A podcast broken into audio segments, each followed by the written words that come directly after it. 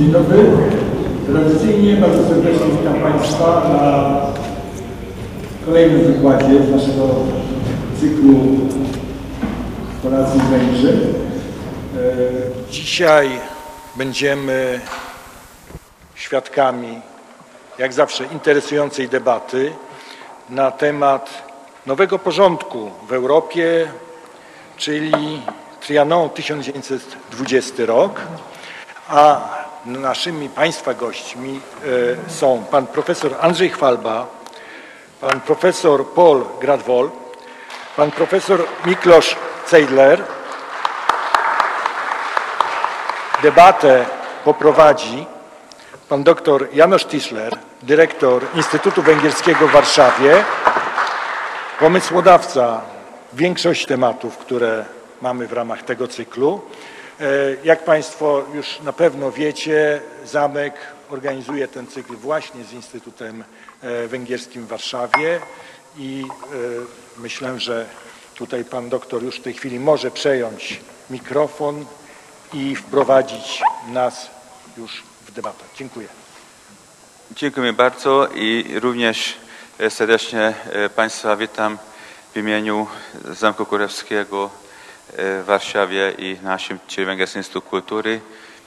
E, No muszę powiedzieć, że zawsze wielką przyjemnością przychodzimy co dwa tygodnie e, do zamku, e, ponieważ e, wiemy, że mamy wspaniałą publiczność. Dzisiaj to też o tym wszystko świadczy, a, a tematy, co e, wspólnie wymyślimy, widocznie przyciągają zainteresowanych. Z tego też bardzo się cieszymy. Chociaż po, po raz pierwszy, e, choć już mamy chyba 12 czy 13 spotkanie, tak e, licznie e, siedzimy e, na scenie. To też można tłumaczyć samym tematem, ale też naszym zamiarem, żeby omówić ten temat traktatu pokojowego po I wojnie światowej, szczególnie w Trianon, z różnego punktu widzenia. Z punktu widzenia Węgra, Francuza, e, Polaka, i też ja będę, że tak powiem, adwokatem diabła, więc będę jakby tutaj sprowokował e, szacownych gości do wypowiedzi i też liczymy na aktywność publiczności. Będzie okazja, żeby zadać e, naszym gościom pytania. Tak umówiliśmy się, że na początku każdy trzech gości będzie miał e, 10 minut, żeby opowiadać, roz, rozwijać, rozwinąć e, swoje tezy, opowiadać na e, moje takie podstawowe e, pytania i potem mogą również wzajemnie, będą mogli wzajemnie zadawać pytania i na zakończenie właśnie liczymy to samo od, od, od Państwa. Żeby nie przeciągnąć, chciałbym e, właśnie zapytać od e, naszego e, gościa Miklosia e, Ceidlera z Budapesztu o rzecz następującą. To najpierw po polsku, a potem jemu też to powiem po węgiersku. Więc e, e, czy był unikniony rozpad monarchii Austro-Węgier, co oznaczało dla Węgier traktat pokojowy w Trianon w 1920 roku? Czy miały Węgry szansę na wytyczenie korzystniejszych, ko- ko- korzystniejszych granic niż w końcu się stało? I jakie tri- Trianon ma skutki aż do dnia dzisiejszego? Proszę mi pozwolić, to, to po węgiersku to też powiem. Tehát elkerülhetetlen volt Było nie do ominięcia rozpad monarchii austro-węgierskiej, co oznaczało dla Węgier e, traktat pokojowy z Trianon, czy była szansa uzyskać korzystniejsze granice i jakie są efekty, skutki Trianonu aż do dzisiejszego dnia. Az első kérdés, hogy a monarchia szétesése Pierwsze pytanie, czy rozpad e, monarchii był e, nie do ominięcia, to jednoznacznie możemy powiedzieć tak. E, takie imperia wielonarodowe nie przeżyli XX wiek. Monarchia była pierwsza, która rozpadła. Bezpośrednią przyczyną to była przegrana wojna światowa. Ale tym samym też jest prawdą, że monarchia też miała wewnętrzne problemy, wewnętrzne napięcia w tym e, kształcie. A 20. század elején Na początku XX wieku ta wielonarodo, ten, to wielonarodowe imperium, e, jego narodowości licznie e, mieli zamiar utworzyć własne samodzielne państwo albo połączyć się z sąsiadującymi e, narodami, e, e, matkami. I wtedy, kiedy monarchia przegrała wojnę światową, już nie był e, w takiej sytuacji, żeby sam mógł określić własną przyszłość, tylko e, z jednej strony e, ci, którzy wygrali, plus e, narodowości monarchii zdecydowali, co ma się dziać e, z monarchią. W okresie wojny e, jeszcze było wiele różnych e, wyobrażeń. Pod tym względem w Wielkiej Brytanii i we Francji były takie kierunki, które chcieli, żeby rozdzielić monarchię na części, ale są były też takie e, strony, które chcieli zachować monarchię, ale przekształciliby na jakąś e, organizację demokratyczną, federac- fede- federację, na taką no, takie mocarstwo. Na rok 18, na ostatni rok wojny światowej, późniejsi zwycięzcy doszli raczej do tego wniosku, że e, m, los monarchii jest przesądzona, zostanie podzielona. Drugie pytanie było to, co oznaczało dla Węgier e, traktat pokojowy w Trianonie. Tutaj przygotowałem tabelę. Może tak w ten sposób będzie lepiej, bardziej Zrozumiałe. Węgry, mint e, 300 terytorium Węgier wewnątrz monarchii to było powyżej 300 tysięcy kilometrów kwadratowych kevesebb mint 100 i znacznie mniej zostało, mniej niż 100 tysięcy e, kilometrów kwadratowych, a więc z takiego e, stanu średniego mocarstwa stał się małym krajem. Ludność z 18 milionów e, spadło do 8 milionów, co oznaczało, że pod względem wojskowym, gospodarczym e, stał się bardzo słabym e, krajem. E, W sąsiednich krajach e, zostało 3 milionów Węgrów. E, W tych odłączonych terytoriach mniej więcej co trzeci mieszkaniec był e, węgierskiej. Mm, Część tych e, odczuwał to w ten sposób, że nie jest bezpieczny w tych nowych tworach państwowych i uciekł na Węgry, żeby w ten sposób e, uzyskać lepszą przyszłość. Ich liczba wynosiła więcej niż 400 tysięcy. E, Traktat pokojowy ograniczył też siły wojskowe Węgier. Węgry mogli utrzymać wojsko tylko w liczbie do 35 tysięcy żołnierzy. To było za mało nawet do obrony własnych granic.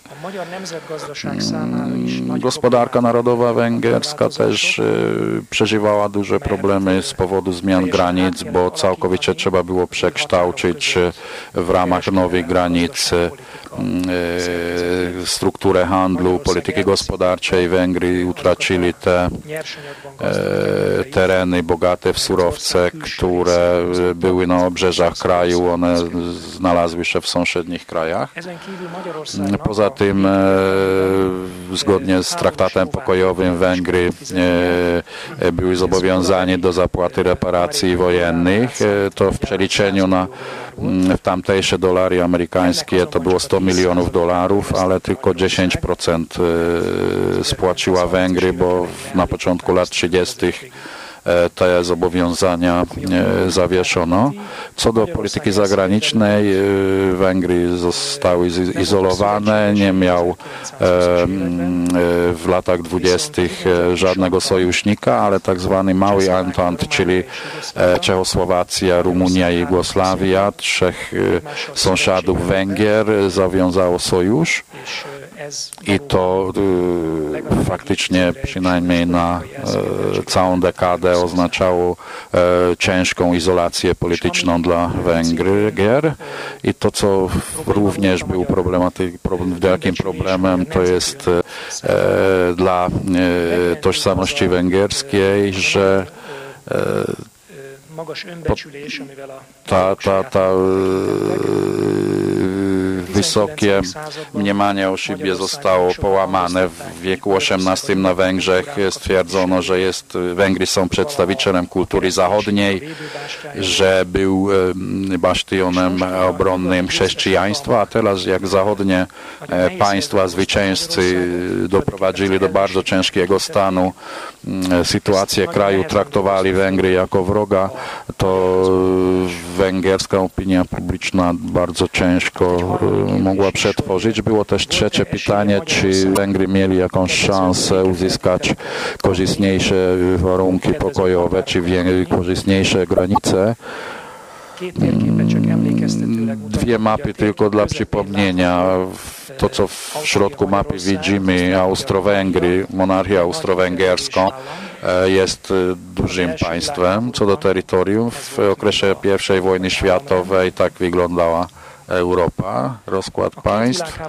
E, Między dwoma wojnami światowymi to nie ma śladu po monarchii.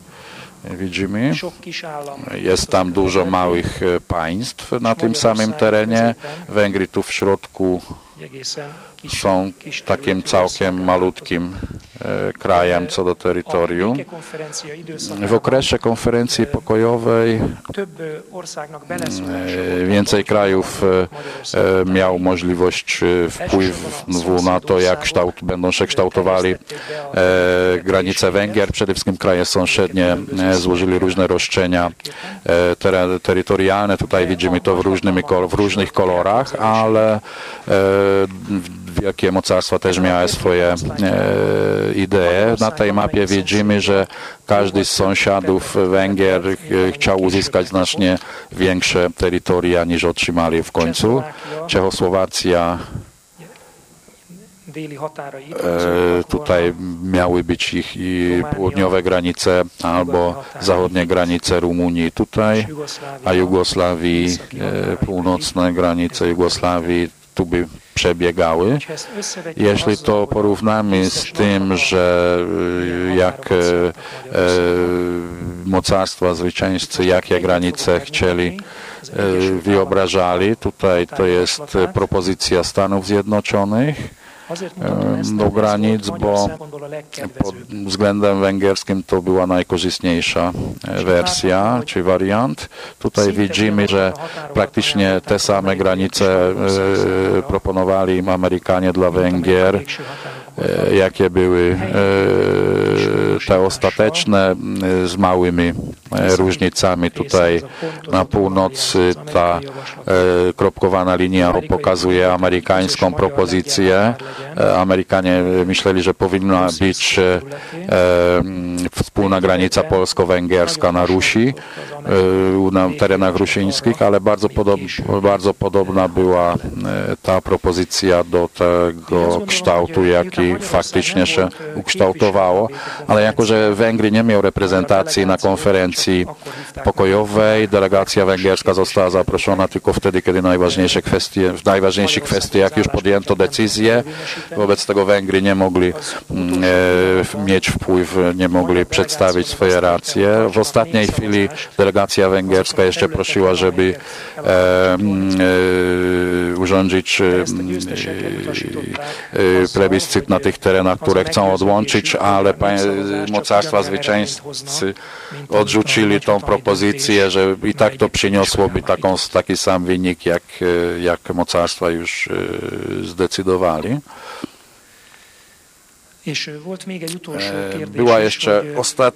było, jeszcze ostatnie pytanie, jakie trwałe, długotrwałe skutki miał Trianon, czyli jakie wpływy, jakie skutki czujemy jeszcze do dzisiejszego dnia. Tutaj na to samo mm, pokazuję, co już wcześniej pokazywałem. Teren terytorium jest taki sam, jaki był wtedy 93 tysiące kilometrów kwadratowych, jak po e, traktacie pokojowej. Trochę więcej jest, e, liczba ludności jest trochę większa, już 10 milionów, ale dla, w tej chwili dla Węgier, dla węgierskiej ludności to już e, stało się normą, to już 3-4 pokolenia e, przeminęli od tego czasu, czyli teraz to już jest e, przyjęte. Co do sytuacji mniejszości węgierskich w sąsiednich krajach, to jest żywym problemem do dzisiejszego dnia.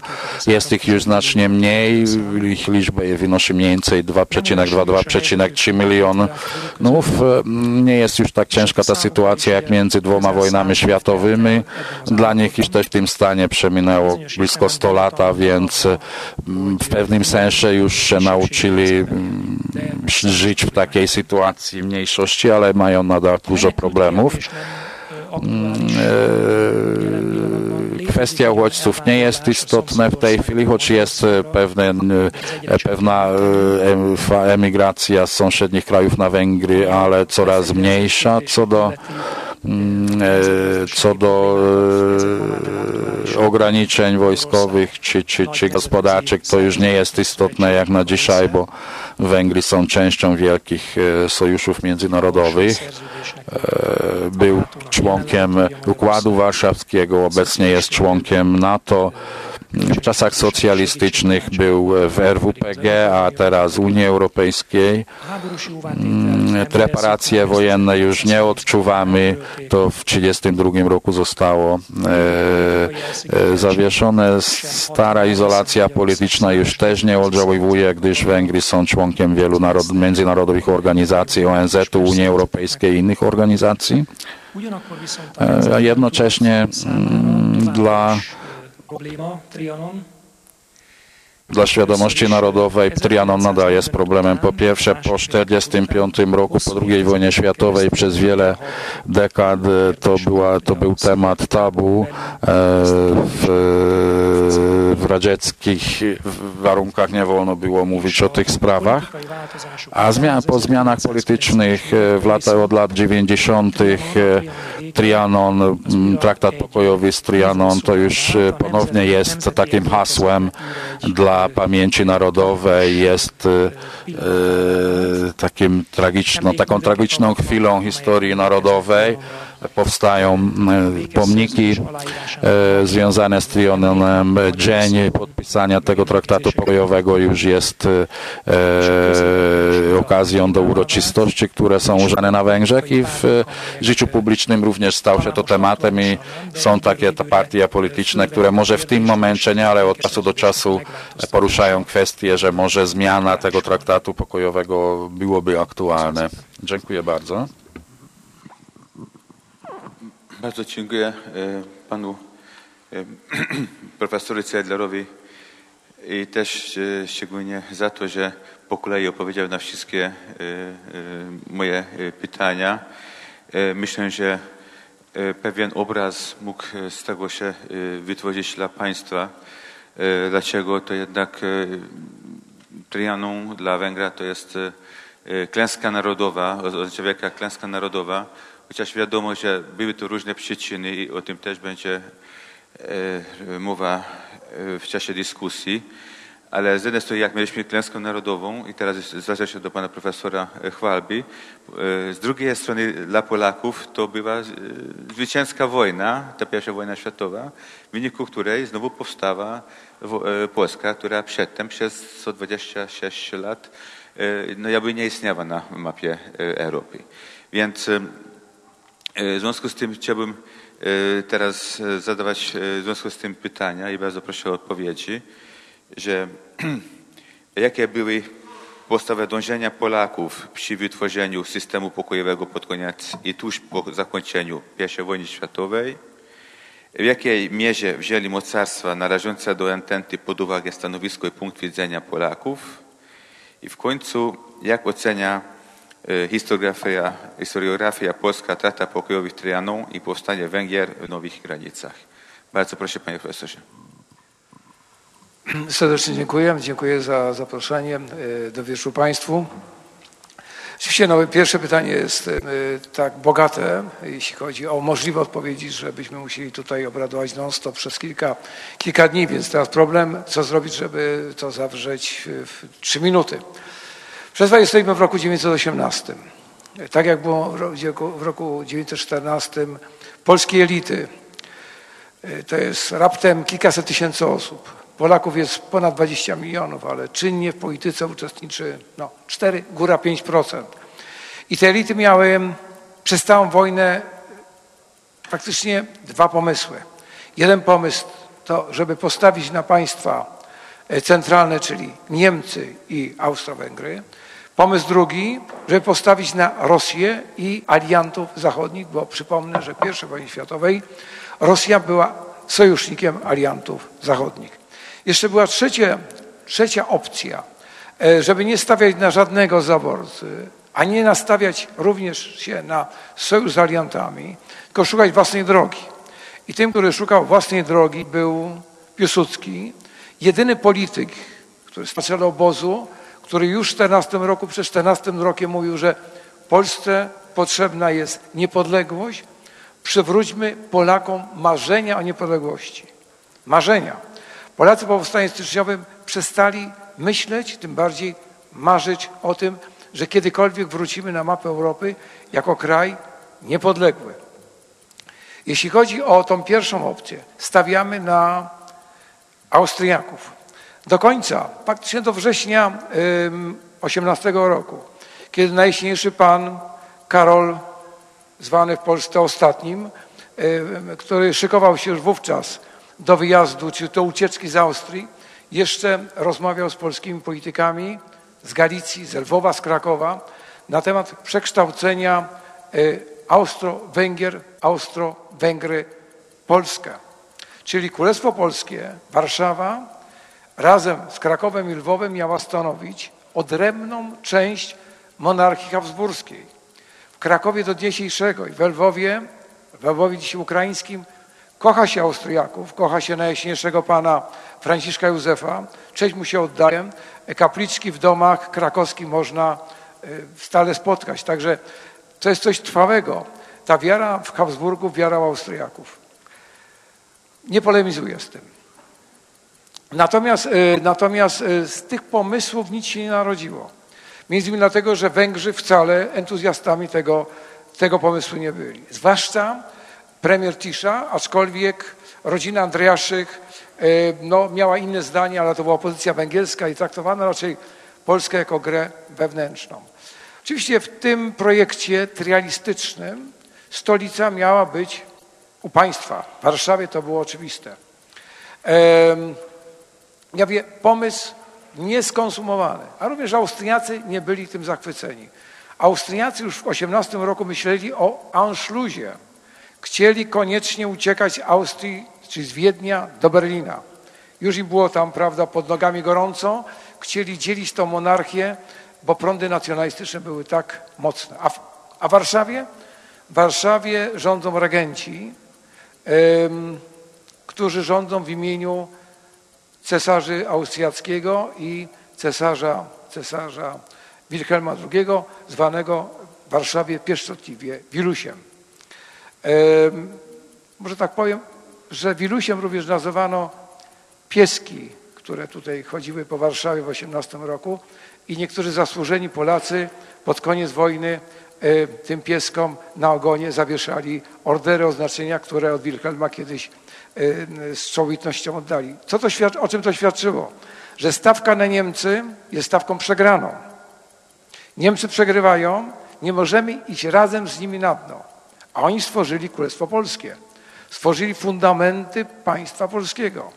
Polski rząd, Polska Rada Regencyjna, zawiązek polskich urzędów, polskie szkolnictwo, Uniwersytet Warszawski, Politechnika.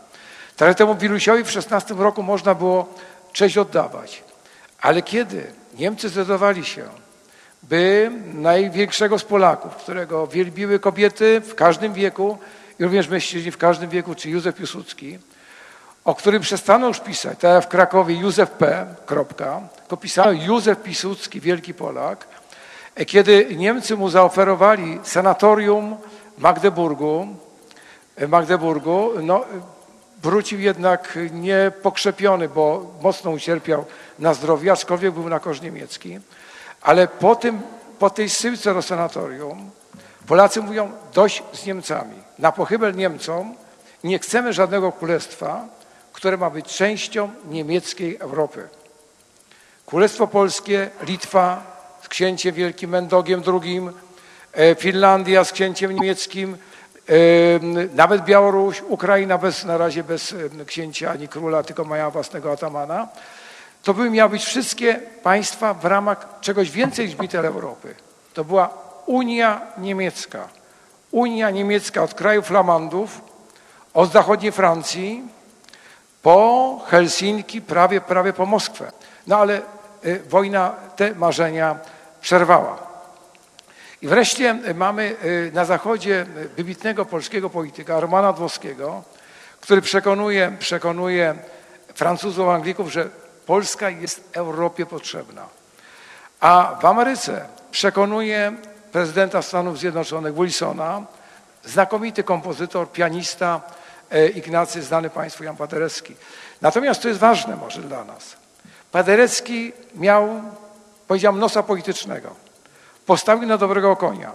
Kiedy były wybory prezydenckie w Stanach Zjednoczonych, przekazał kilkaset tysięcy dolarów na kampanię wyborczą zwycięskiego prezydenta. Zgodnie z teorią łupów Wilson go pyta, Ignacy Janie, czego chcesz? Powiem krótko, odpowiada Ignacy Jan. Chcę, żeby pan zwrócił Polskę. To jest trochę anegdotyczne, ale rzeczywiście dużo, dużo, dużo oczywiście uczynił. I teraz z tych różnych pomysłów, zachodnich pomysłów, narodziła się Polska, ale do końca widać, że Polacy byli rozdarci. Natomiast co do, co do Antanty, co do Antanty. Jeszcze zimą 19 roku, wiosną, zimą 1919 roku w Paryżu, tutaj, gdzie skąd pan profesor przybył do Warszawy, rozpoczyna się konferencja, która zadecyduje o Ładzie Europejskim. Powstanie system Ładu Europejski, zwany wersalskim, ale konferencja z Paryżu. Powstaje komisja y, na czele z Cambonem. To jest bardzo życzliwy y, Polakom Francuz, panie profesorze. Zawsze z wielką, y, szacun wielkim szacunkiem o nim na wykładach uniwersyteckich wspominamy, bo w marcu przedstawił, przedstawił bardzo korzystną mapę Europy. A w tej, na tej mapie Europy są bardzo korzystne granice Polski. Górny Śląsk bez plebiscytut. Gdańsk bez żadnego ale. Szeroki dostęp do morza. Trudno było sobie wymarzyć lepsze granice. Ale zaczyna się kontrofensywa dyplomatyczna Niemiec, podskórna, trafiają do Brytyjczyków. Brytyjczycy wcale nie chcą potężnej Francji, potężnej Francji, dlatego między innymi jest Trianon, żeby, żeby Francja mogła mieć sojuszników, Rumunię, Czechosłowację, em, Rumunię, Czechosłowację i SHS, czy Jugosławię, e, przeciwko, przeciwko Węgrom, czy przeciwko Austriakom i Niemcom. E, Tak przynajmniej było na początku. E, I dlatego mówię, Cambon przegrywa. Stopniowo, stopniowo te zmiany są e, zmieniane. Czyli w marcu mamy entuzjazm, wszyscy się cieszymy, korki od szampanów strzelają, w czerwcu nie ma już entuzjazmu. W Polsce już nie ma entuzjazmu, bowiem jest to w jakimś sensie kapitulacja.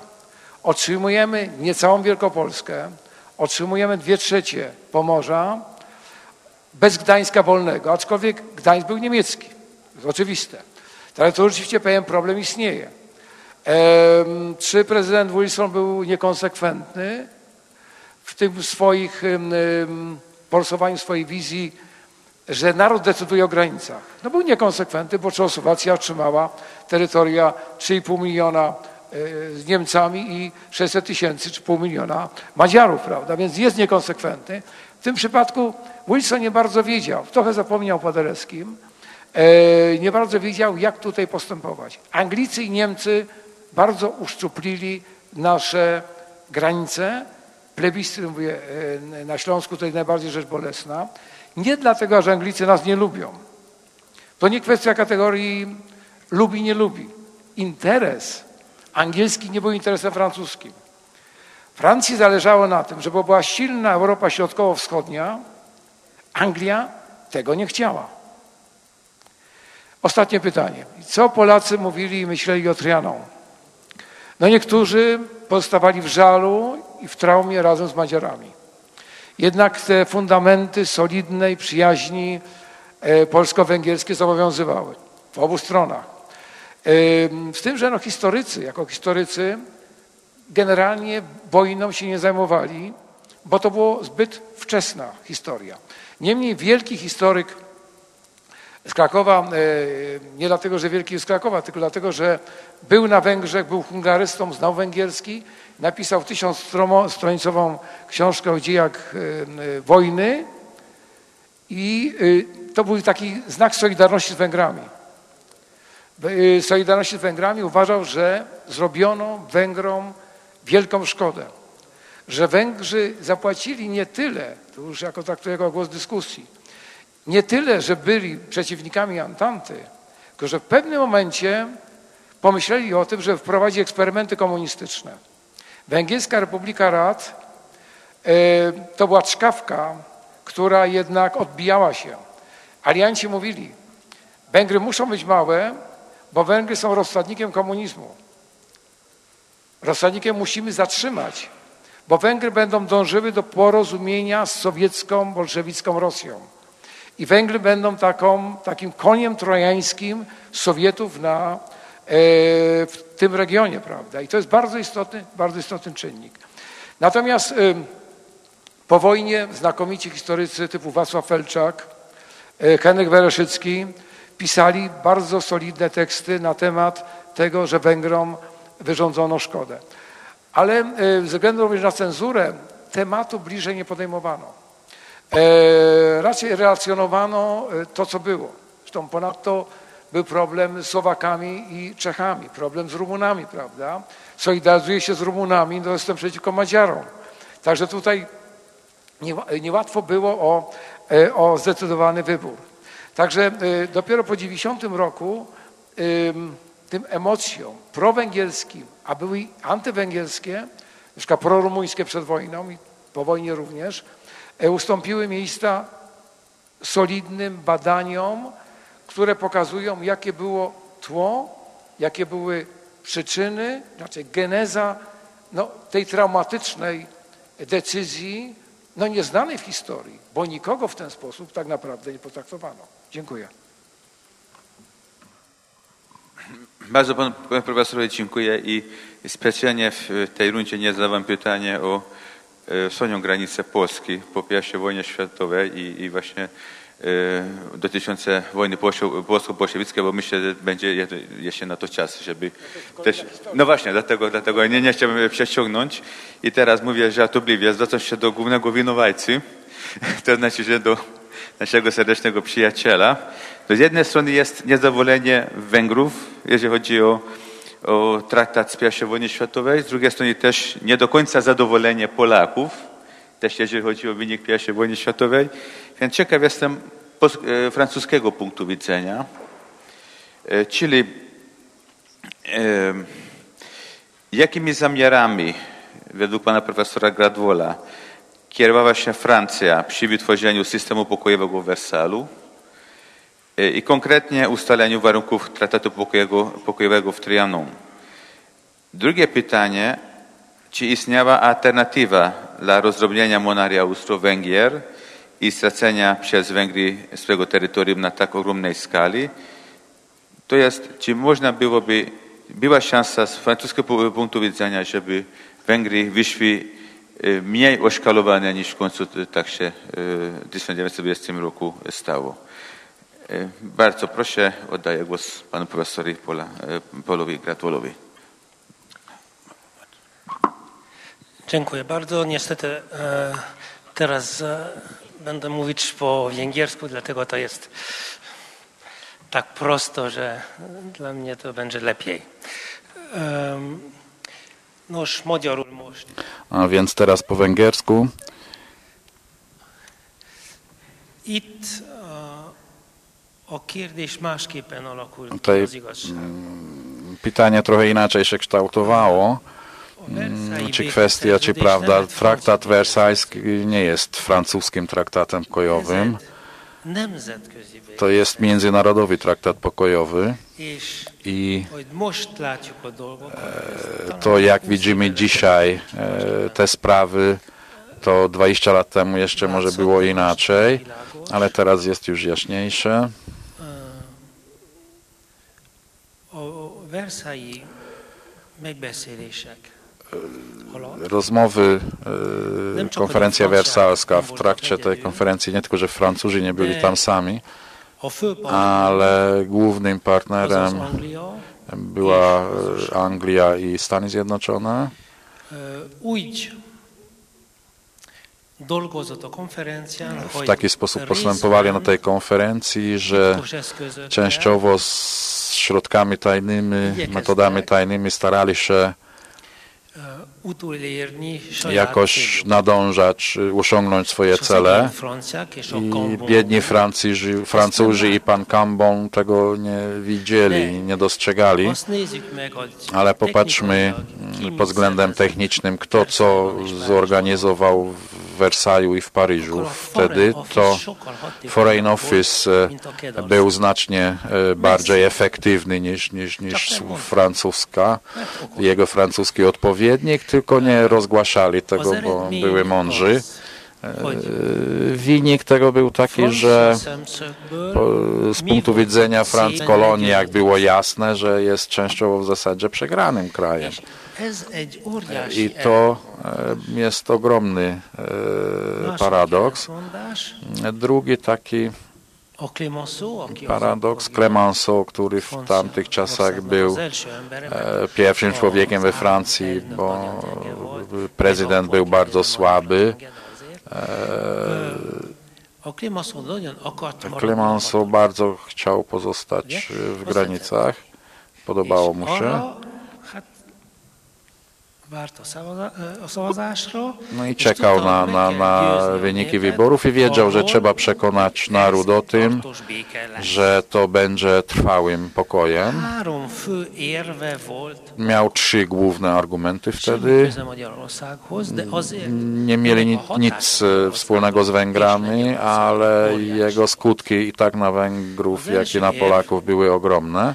Pierwszy taki argument e, to był- solidarność. Angielska i amerykańska. Az 1920 To Na początku 20 roku już, już przeminęło.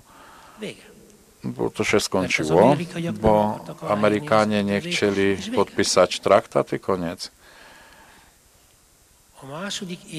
Drugi argument był taki, że Niemcy, e, Niemców trzeba rozbroić, żeby pod względem wojskowym nigdy e, nie- nie powstało żadne zagrożenie ze strony Niemców. Szybko się okazało, stało się jasne, że Francja, która e, była jedynym mocarstwem, który to chciał, musi to wykonać. I trzeci argument, e, którego już nikt sobie nie przypomina, bo jest dziwny, był taki, że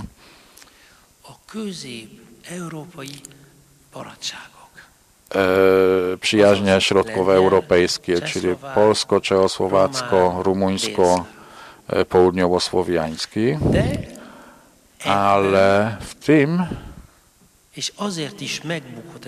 i też dlatego to ten argument e, upadł, bo zanim e, miałby szansę się zrealizować,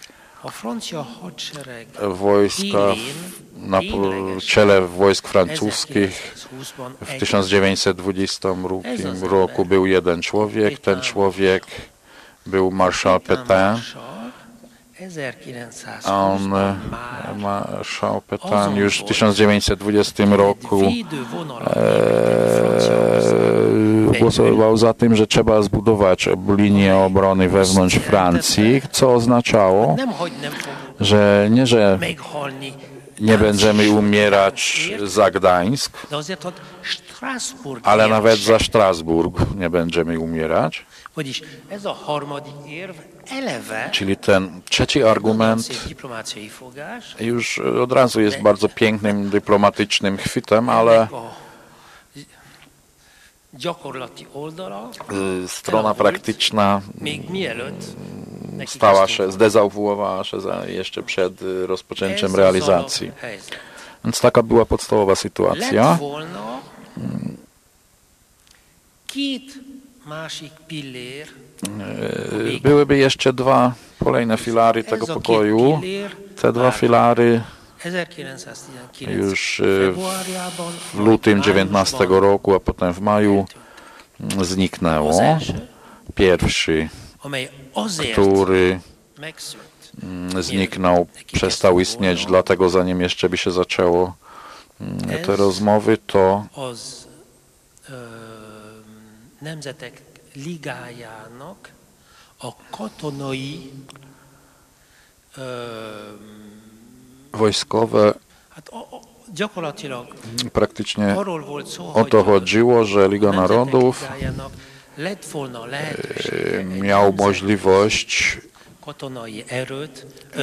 powołać międzynarodowe siły zbrojne i korzystać, zastosować te siły. E, Francuzi i Włosi USA za, Stany Zjednoczone i. Anglia przeciw.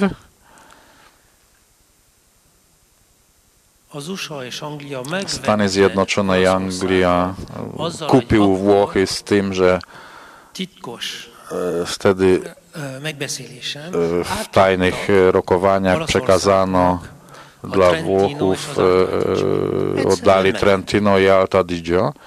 Po prostu kupili w ten sposób Włochów, a więc już od w tym momencie mm, przestała ta możliwość istnieć, żeby mu można było powołać e, międzynarodowe siły zbrojne. Drugim filarem byłby to i to 21 czy 22 maja e, zniknęła ta możliwość. Było to, że w obrębie Europy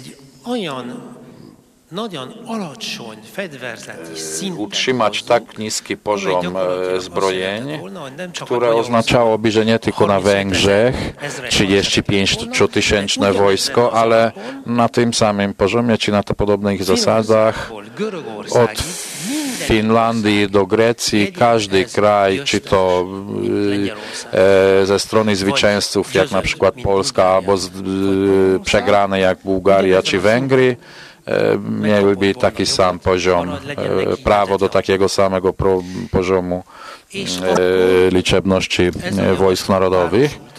I to e, do tego towarzyszyło to, że do tej propozycji, że ponownie byłaby możliwość e, powołać e, siły zbrojne Ligi Narodów. To był te, ta, ten drugi możliwy filar też przestał być możliwe. Zostało to, co zostało, to, co się ziściło, czyli traktat Trianonie, która dla Francuzów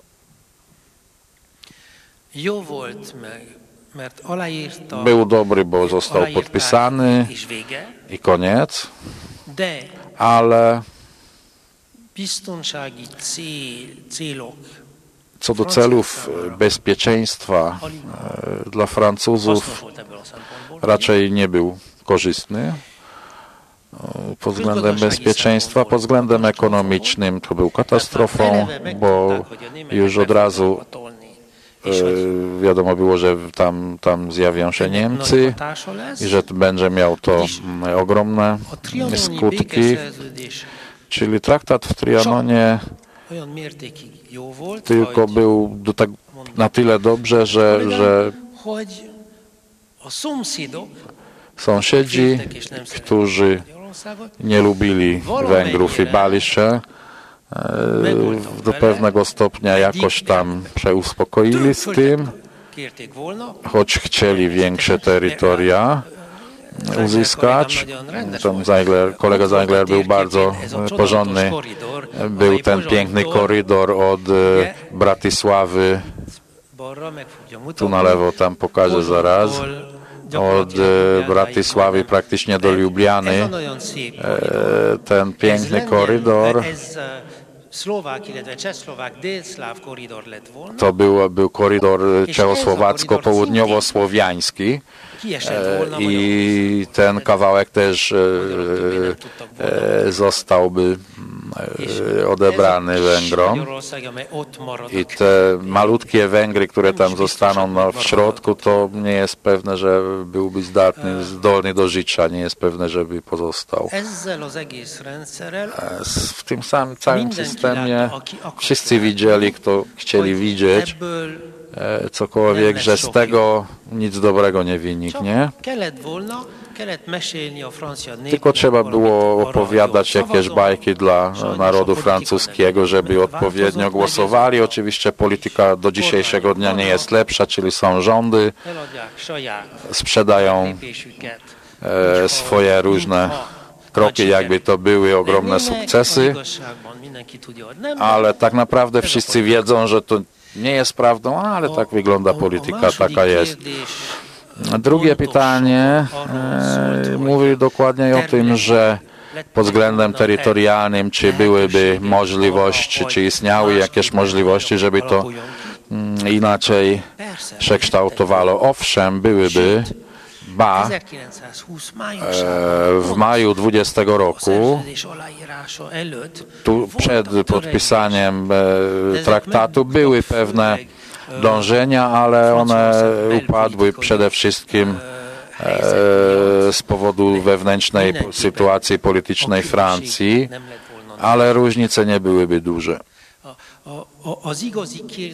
Prawdziwy, prawdziwe pytanie moim zdaniem do dzisiejszego dnia.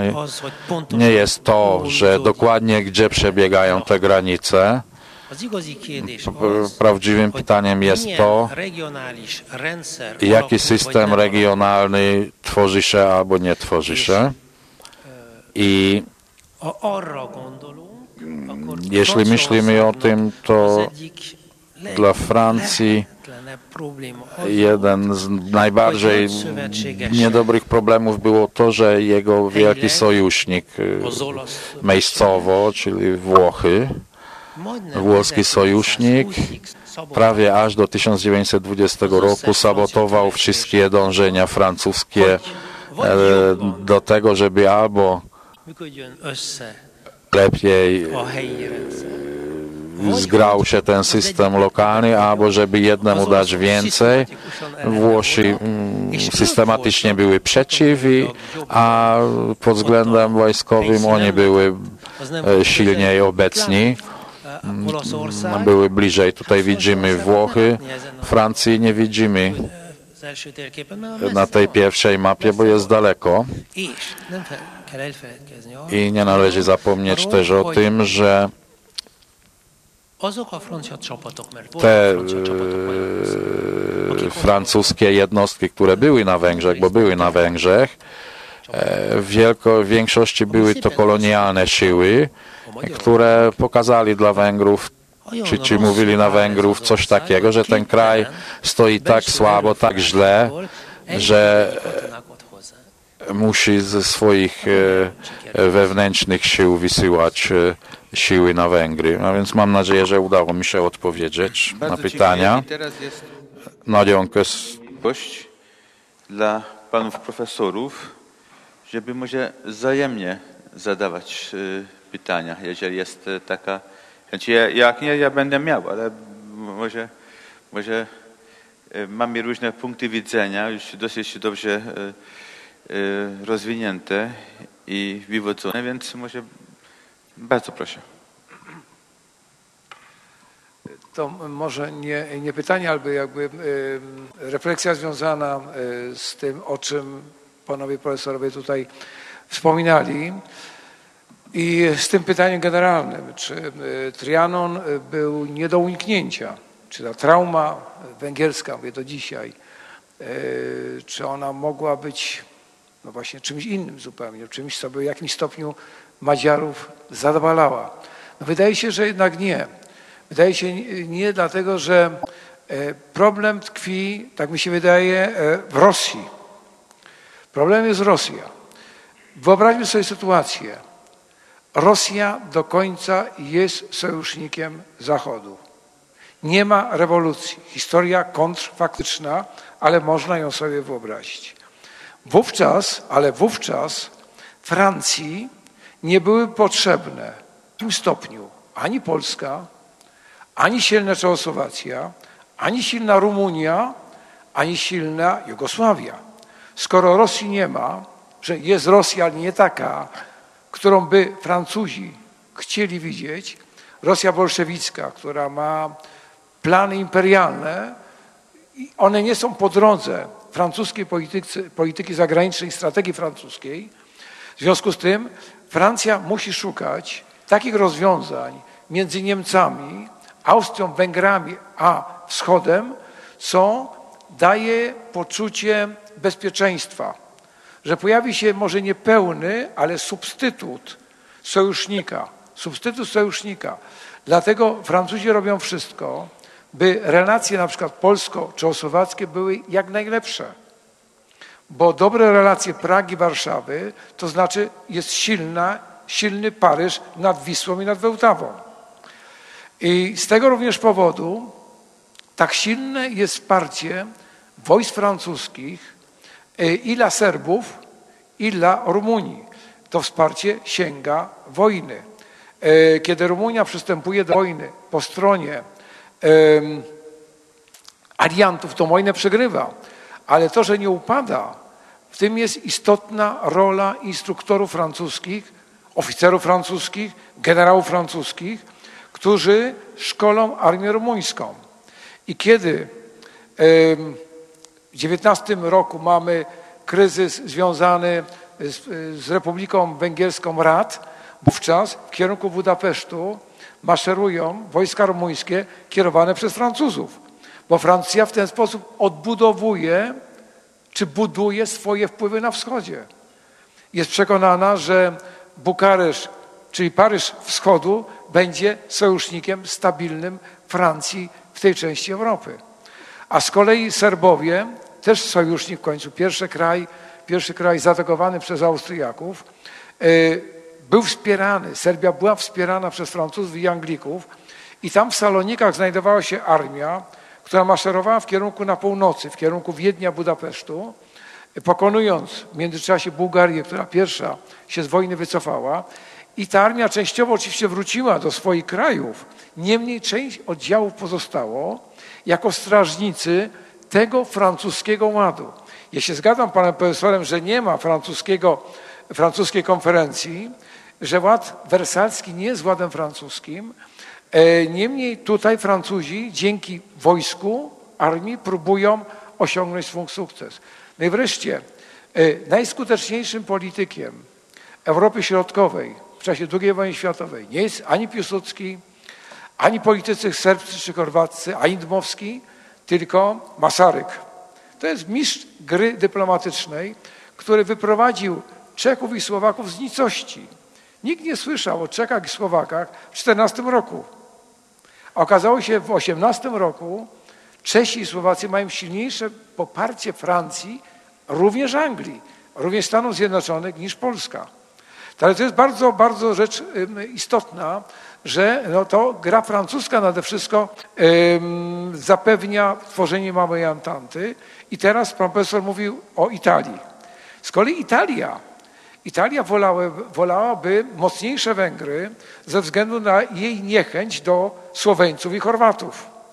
Duża Jugosławia kosztem zwłaszcza Italii, a były takie pomysły, czyli tutaj można było sądzić, że tak, tak sądzili Madziarzy, że Włosi będą wspierali, wspierali Węgrów, tylko są za słabi, bardzo niekonsekwentni, są, są, są konsekwentni w jednym, szkodzą Francuzom. I teraz Francuzi są sami. Proszę Państwa, jest czwórka w Wersalu, czy czwórka w Paryżu. Francuzi, Włosi, Amerykanie, Anglicy. No, przyjechali Japończycy, ale to mają swoje sprawy i tutaj nie, nie bierzemy pod uwagę. Z tych czterech Francja faktycznie nie jest sama. W tej wizji, wizji swojej Europy nie jest w stanie tutaj no, osiągnąć tych celów, które by chciała, dlatego że Anglicy mają zupełnie inne cele. Zgadzam się, że e, Foreign Office, e, e, brytyjska dyplomacja, która no, trenowała przez lata w koloniach nie tylko, zresztą francuska też trenowała, ale jednak angielska trenowała lepiej, skuteczniej. Anglicy opanowali do perfekcji tajną dyplomację. I te takie, prawda, restauracyjne spotkania, wino, rozmowy, wino, rozmowy i tak dalej, i tak dalej, to przyniosło efekty. Że Francja, gdyby nawet chciała, a w wypadku Węgier nie chciała, bo to nie było jej interesie. W związku z tym no, stało się tak, jak stało. Była tutaj mowa, pan z kolei profesor mówił, że Amerykanie. Amerykanie, tak rzeczywiście Wilson, wspierany przez e, emigrację Madziarów w Stanach Zjednoczonych, chciał, żeby te Węgry nie były takie małe. Ale no, on sam przegrywa w tej chwili w Stanach Zjednoczonych. Amerykanie nie chcą się zgodzić na, ani na Ligę Narodów, ani na to, że Amerykanie byli strażnikiem świata. W 19 roku Amerykanie pokazali swojej władzy amerykańskiej czerwoną kartkę. W 1945 roku to będzie kartka zielona. Wy, Amerykanie, już możecie być strażnikiem świata. W 19 roku jeszcze jest inaczej. W związku z tym potencjalny sojusznik Madziarów musi jechać za ocean, by ratować resztkę swojego autorytetu. Dziękuję. A może...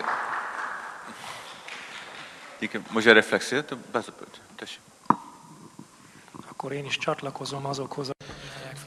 To ja też się przyłączę do tych, którzy żałują Francję po I wojnie światowej. Do tego mam taką uwagę. Oczywiście wszystkie, mo wszystkie mocarstwa były samotne wobec pozostałej trójki, czwórki. W wielu sprawach uważali, że nie są w stanie przeprowadzić swoich dążeń. Francuzi, Włosi przede wszystkim zajmowali się europejskim ładem władzy. To były kraje kontynentalne i próbowały w ten, ten sposób kształtować układ, ład europejski, żeby to dla nich, y, dla nich tworzyło największe pole do działania.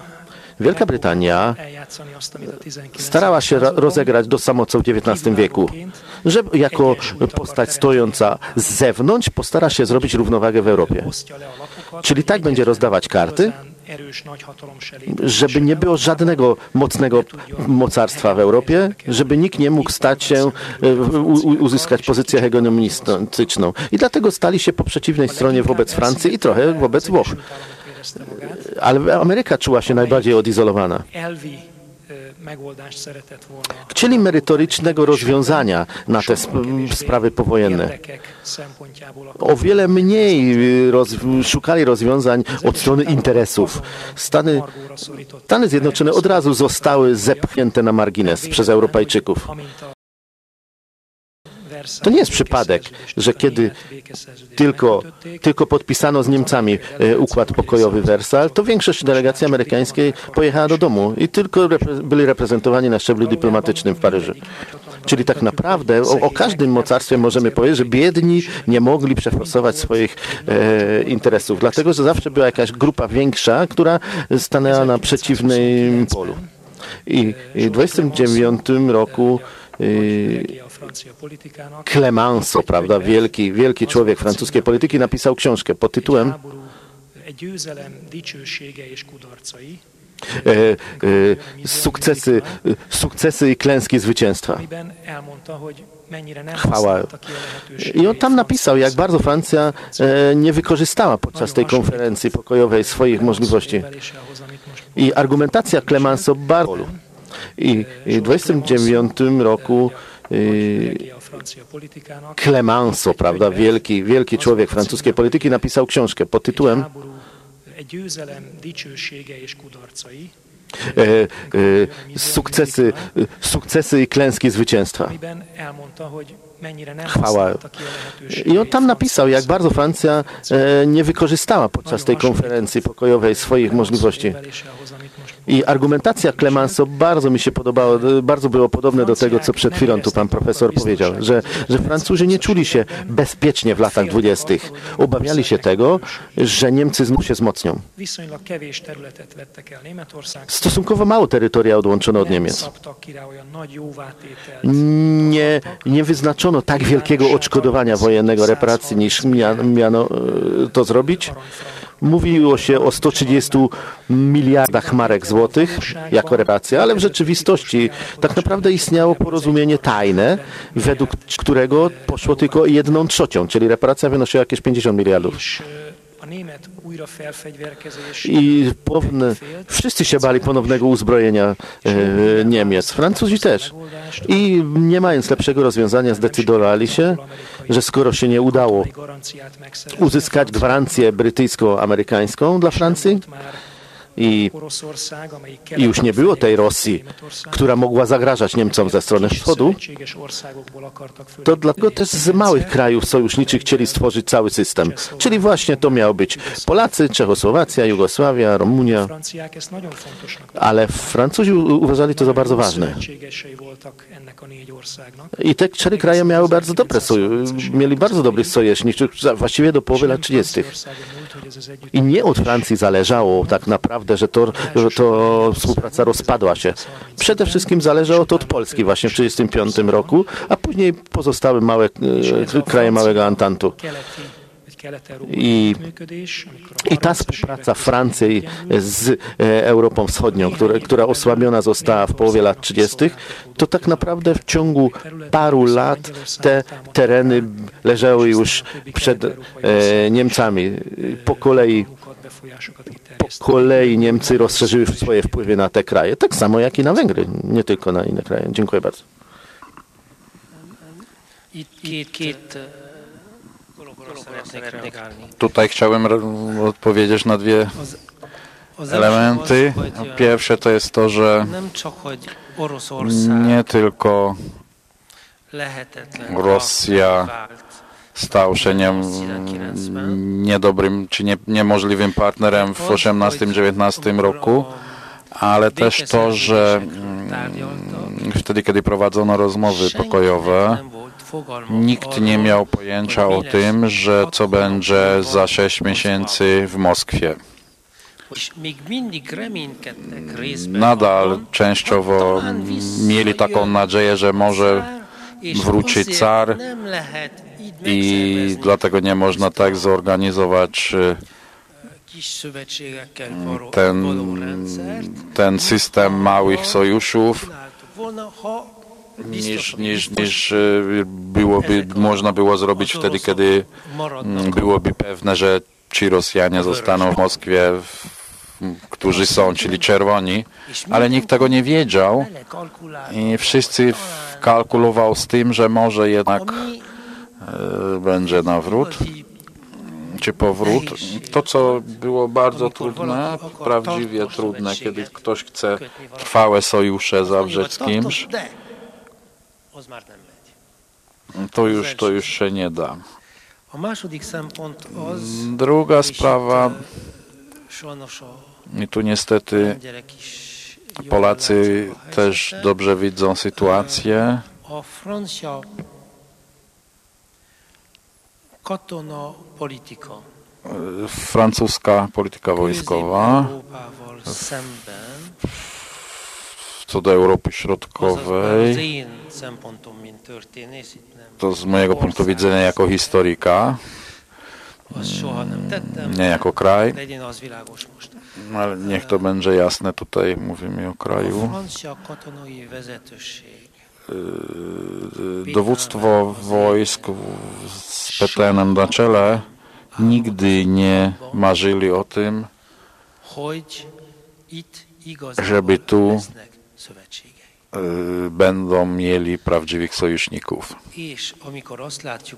I wtedy, kiedy widzimy to, co się działo w e, 1925 roku, to jest jasne, bo Anglicy nawet na tyle nie, to nawet bardzo oficjalnie, polokarno, polska granica z Niemcami nie ma, nie miał żadnej gwarancji i wszyscy byli tego świadomi, wszyscy wiedzieli o tym. Czyli- kollégám Kolega Zeidler jest bardzo wielkim optymistą politika, co do e, polityki wschodniej Francji. Bardzo się cieszę, dziękuję bardzo. Niestety moim zdaniem e, to, to, to, to, to nie jest tak dobrze i niestety może Ten optymizm pochodzi z tego, że wszyscy bardzo chcieli, chcieliby jakiś logiczny, koherentną politykę zagraniczną francuską widzieć. Bardzo piękne by było, jakby coś takiego istniało, ale czegoś takiego nie było. I między innymi dlatego jest taka, taka e, ta sytuacja taka pełna sprzeczności. I to jest, dlatego jest trudno go zrozumieć. Nie wiem, czy wobec tego wielu, wielu stwierdza, że ten y, cały system wersalski można e, nazwać e, zawieszeniem broni na 20 lat. Ale z drugiej strony też mam takie pytanie, że może trochę naiwne, ale właśnie proszę o, o wypowiedzi na ten temat, zanim oddajemy głos publiczności. E, czy ktoś myślał poważnie o tym, że wiadomo, jak jeszcze istniały tak zwane historyczne Węgry, gdzie prawie każdy drugi obywatel węgierski nie był węgierskiego pochodzenia. E, Potem nastąpił Trianon. E, Każdy trzeci Węgier znalazł się poza granicami kraju i powstały takie państwa, gdzie były e, mnóstwo różnych narodowości. Polska, Polska Czechosłowacja, Jugosławia. Więc jak wiadomo było, że taki kraj, który ma taką ogromną mniejszość narodową jak Węgry przed wojną i w związku z tym, bo to też z pewnością przyczyni się do- tego, że Węgry rozpadły, e, skąd e, taka pewność siebie, że e, Polska po I wojnie światowej, czy Czechosłowacja, czy, czy, czy Jugosławia nie rozpadnie, skoro muszą się uporać e, tymi samymi problemami i poradzić sobie, jak Węgry próbowały e, po 1867 roku, po powstaniu monarchii austro-węgierskiej. Czy w ogóle ta kwestia, e, kwestia mniejszości odegrała jakąś rolę e, w trakcie czy podczas opracowania tych, e, tego systemu wersalskiego i między innymi traktatu w Trianon?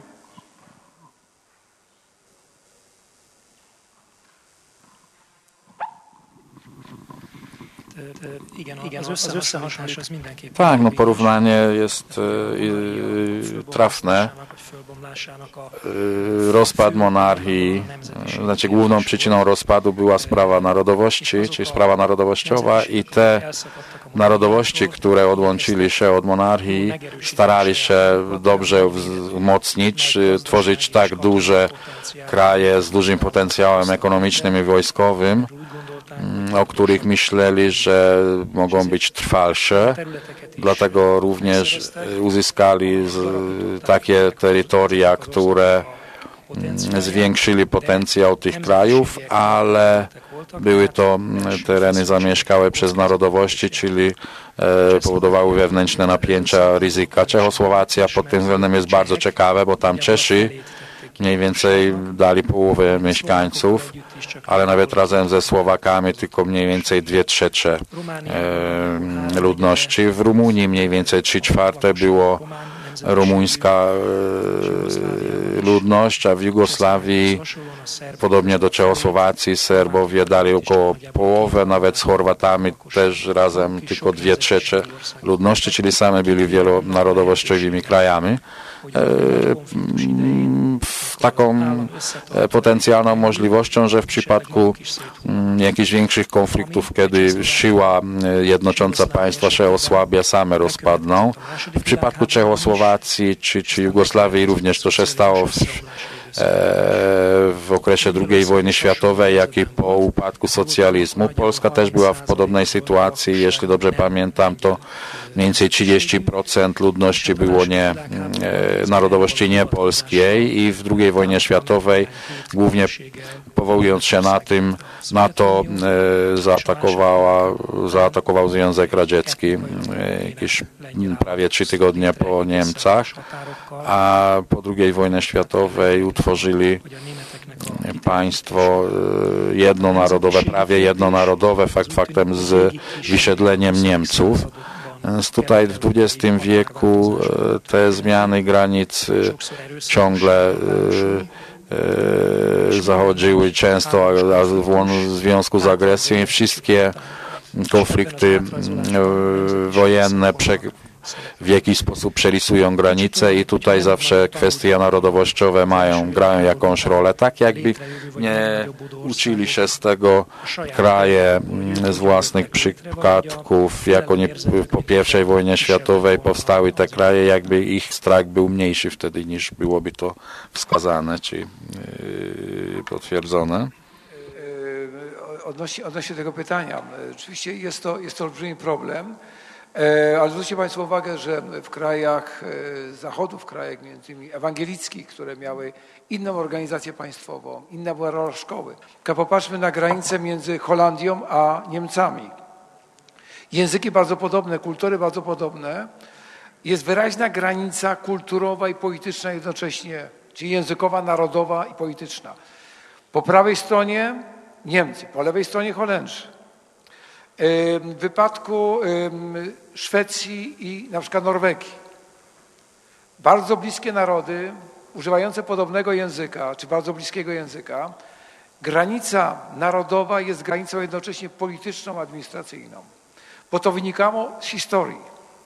Te kraje się kształtowały no, co najmniej od 400-500 lat i były w stanie poprzez szkołę, administrację, wojsko doprowadzić do integracji kulturowej, językowej. Historia powstania tej naszej Europy, tej naszej nowej architektury europejskiej w ramach systemu wersalskiego jest zupełnie inną historią. Zupełnie inną historią i ona spowodowała, że w żadnym kraju, w żadnym kraju środkowej i wschodniej Europy nie ma państwa, czyli nie ma państwa jednonarodowego, bo nawet Finlandia ma te 12-13% Szwedów. E, Łotwa mieszka 60% Łotyszów, podobnie Litwa, czyli wszystkie te kraje między Stambułem a Helsinkami to są kraje wielu, wielu narodów, kultur, również religijnych. Dlatego kiedyś, w latach 80., wielki e, polityk europejski niemiecki Bismarck ostrzegał Europejczyków właśnie przed samobójstwem Europy. E, Europejczycy, nie organizujcie wojny przeciwko sobie, bo do władzy dojdą nowe narody środkowej Europy, które Bismarck w szacunku dla tych narodów nazwał pigmejami. Pigmeje dojdą do władzy i pigmeje zaczną z sobą walczyć. I inni będą z tego korzystać. Jakby zapowiedzią tego jest ta architektura powojenna, kiedy kraje są wielonarodowe, wielonarodowe wewnętrznie na skutek tego skonfliktowane i to powodowało, że były otwarte na e, manipulacje i grę dyplomatyczną, polityczną ze strony wielkich sąsiadów. I te wielość narodów wręcz zapraszało do tej gry, tych wielkich. Trudno, skoro jest zaproszenie, żeby ci wielcy z tej możliwości nie, skorzystali, a efektem jest między innymi Europa po Ribbentrop-Mołotow.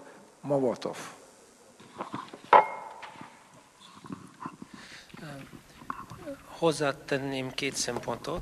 Y, y, Dwa aspekty bym do tego chciał dodać.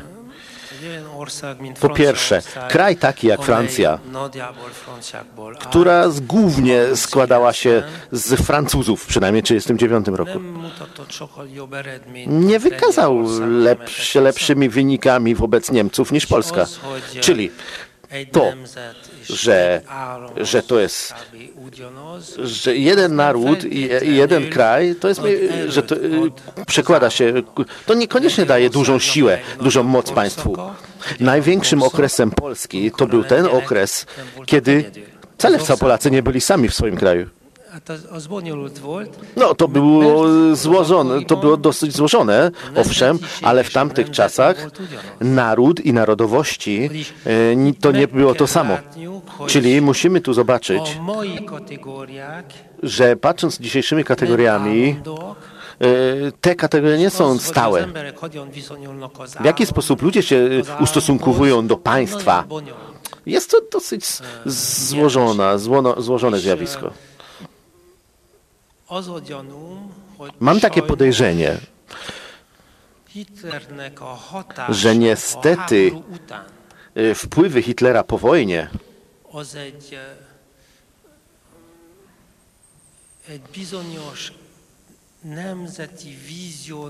túlélése. Tak naprawdę to jest przetrwanie tak naprawdę takiej narodowej wizji o, o, u wielu, u wielu, nawet włączając to stalinizm. I niestety, może to nie jest najlepszy, najlepszy system intelektualny, żeby zastanowić się nad tym, w jaki sposób można połączyć ze sobą ludzi wewnątrz jednego państwa. No, to był ten pierwszy punkt. Drugi aspekt. Jeżeli przemyślimy te wszystkie sprawy, pomyślmy o Szwajcarii.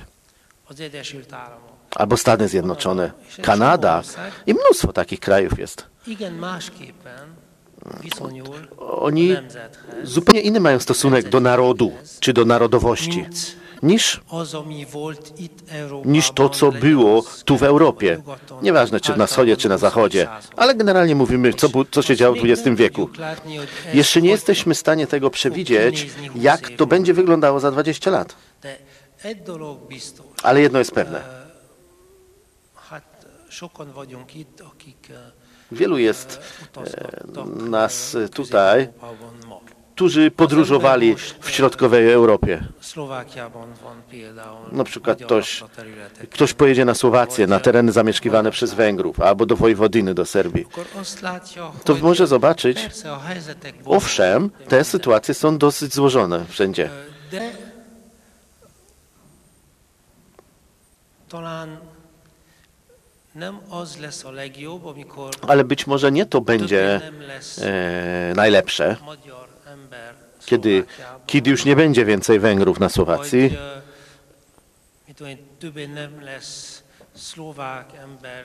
Dél-Magyarországon. albo nie będzie już Słowaków na terenie południowych Węgier. Może to nie jest ten najszlachetniejszy nasz cel. Po prostu musimy to przemyśleć. Jesteśmy 21. w Europie, w XXI wieku już jesteśmy. Moim zdaniem cel powinien być taki, żeby pomyśleć, jak my możemy żyć razem. Bo jeżeli teraz naszym głównym celem będzie, żeby nasze, żeby ludzie działali, działali jako e, zamknięte etniczne grupy i, i mają trwać właśnie tylko jako te grupy etniczne, a cała reszta to są źli ludzie wokół, no to jako obraz przyszłości, jako wizji, to jest chyba trochę zakłócone.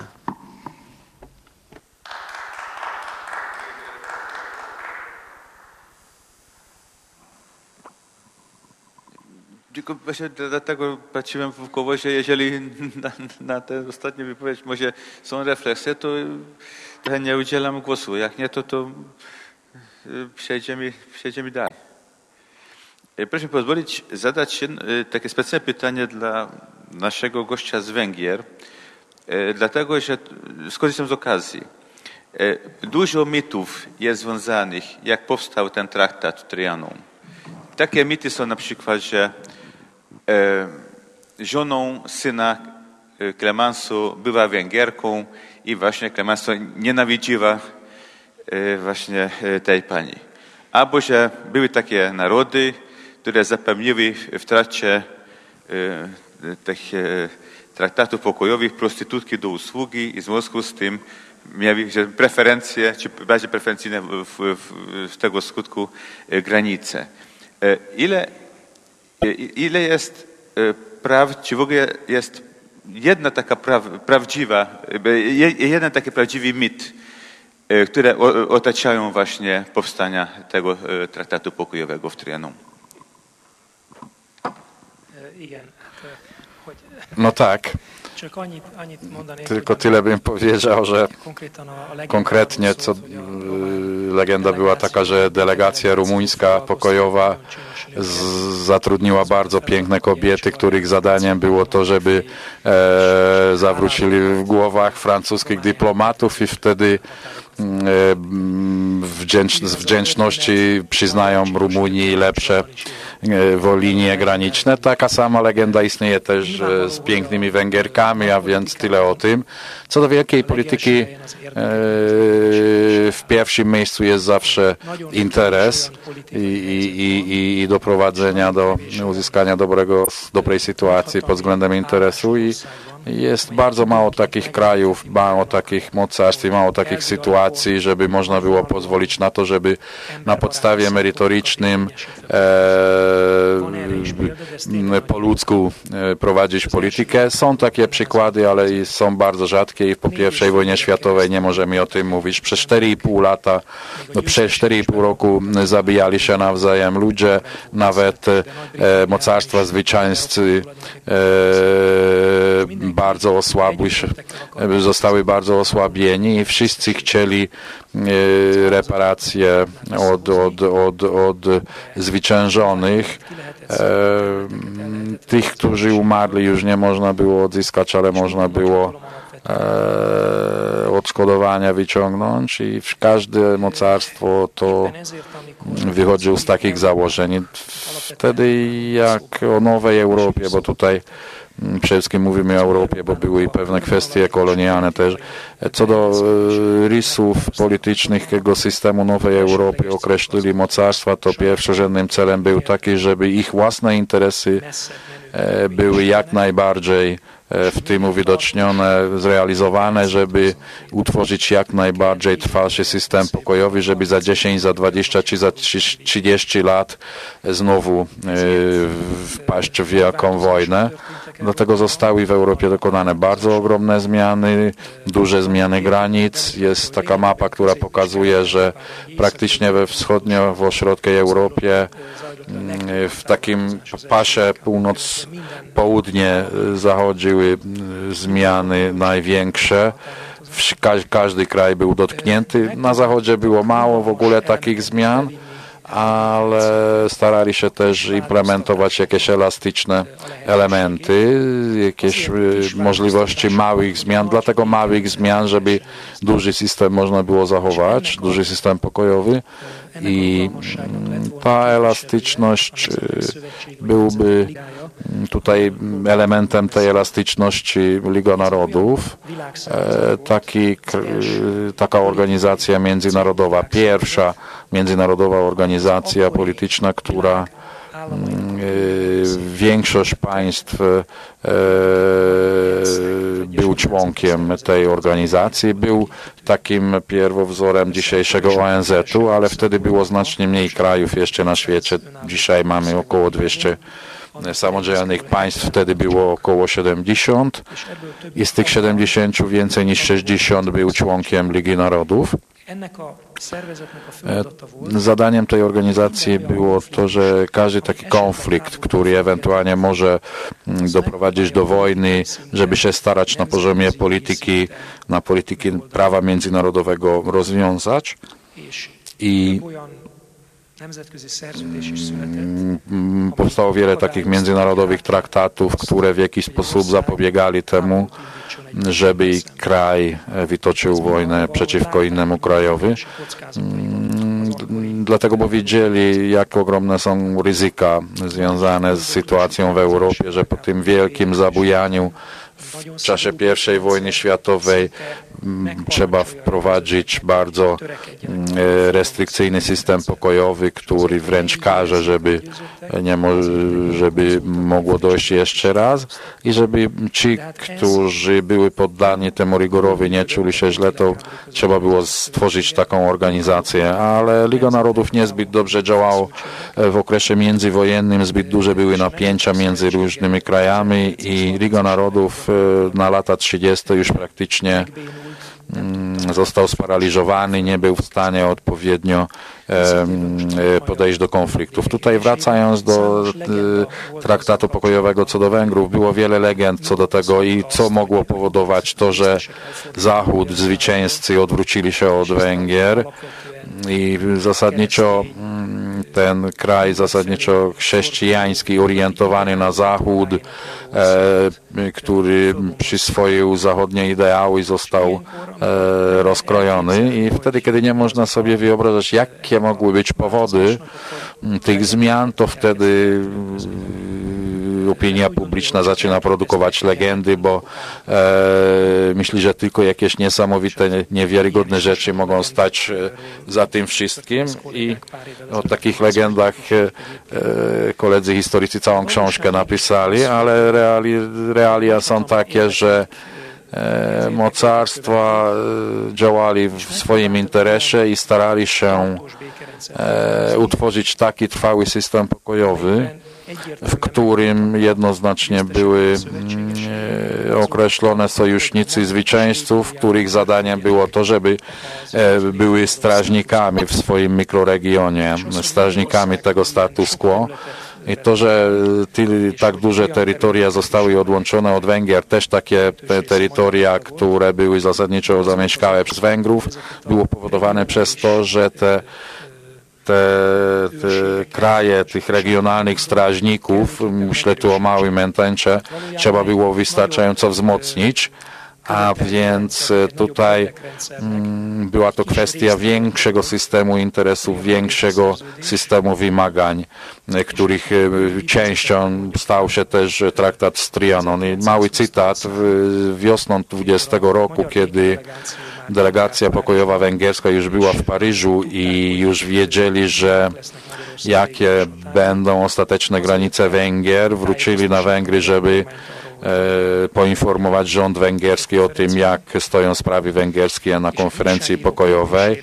I na pytanie dziennikarza, mm, jeden z e, bardzo poważanych polityków węgierskich odpowiedział, że on tak widzi, że na konferencji pokojowej najwięcej uwagi zwraca się na kwestię niemiecką, 80% uwagi zwraca się na to, żeby e, jak układać w sprawie Niemiec, a wszystkie inne kraje, e, które przegrali wojnę, Bułgaria, Węgry, Turcja i Austria, to tylko e, poświęcają tą resztę tej uwagi, te 20%. I ten polityk węgierski stwierdził, że Węgry w, tym, w tych 20% też bardzo mało, tylko najwyżej 4% tej uwagi. Sam powiedział, że tak w cyfrach w liczbach to trochę może ostre jest to, ale, ale na pewno dobrze została uchwycona e, istota sytuacji, że tak e, Włochom, Francuzom, Anglikom, Amerykanom, nawet Japończykom najistotniejszą kwestią było to, co będzie z Niemcami, z najsilniejszym krajem środkowoeuropejskim, który, tak powiem, był e, głównym autorem e,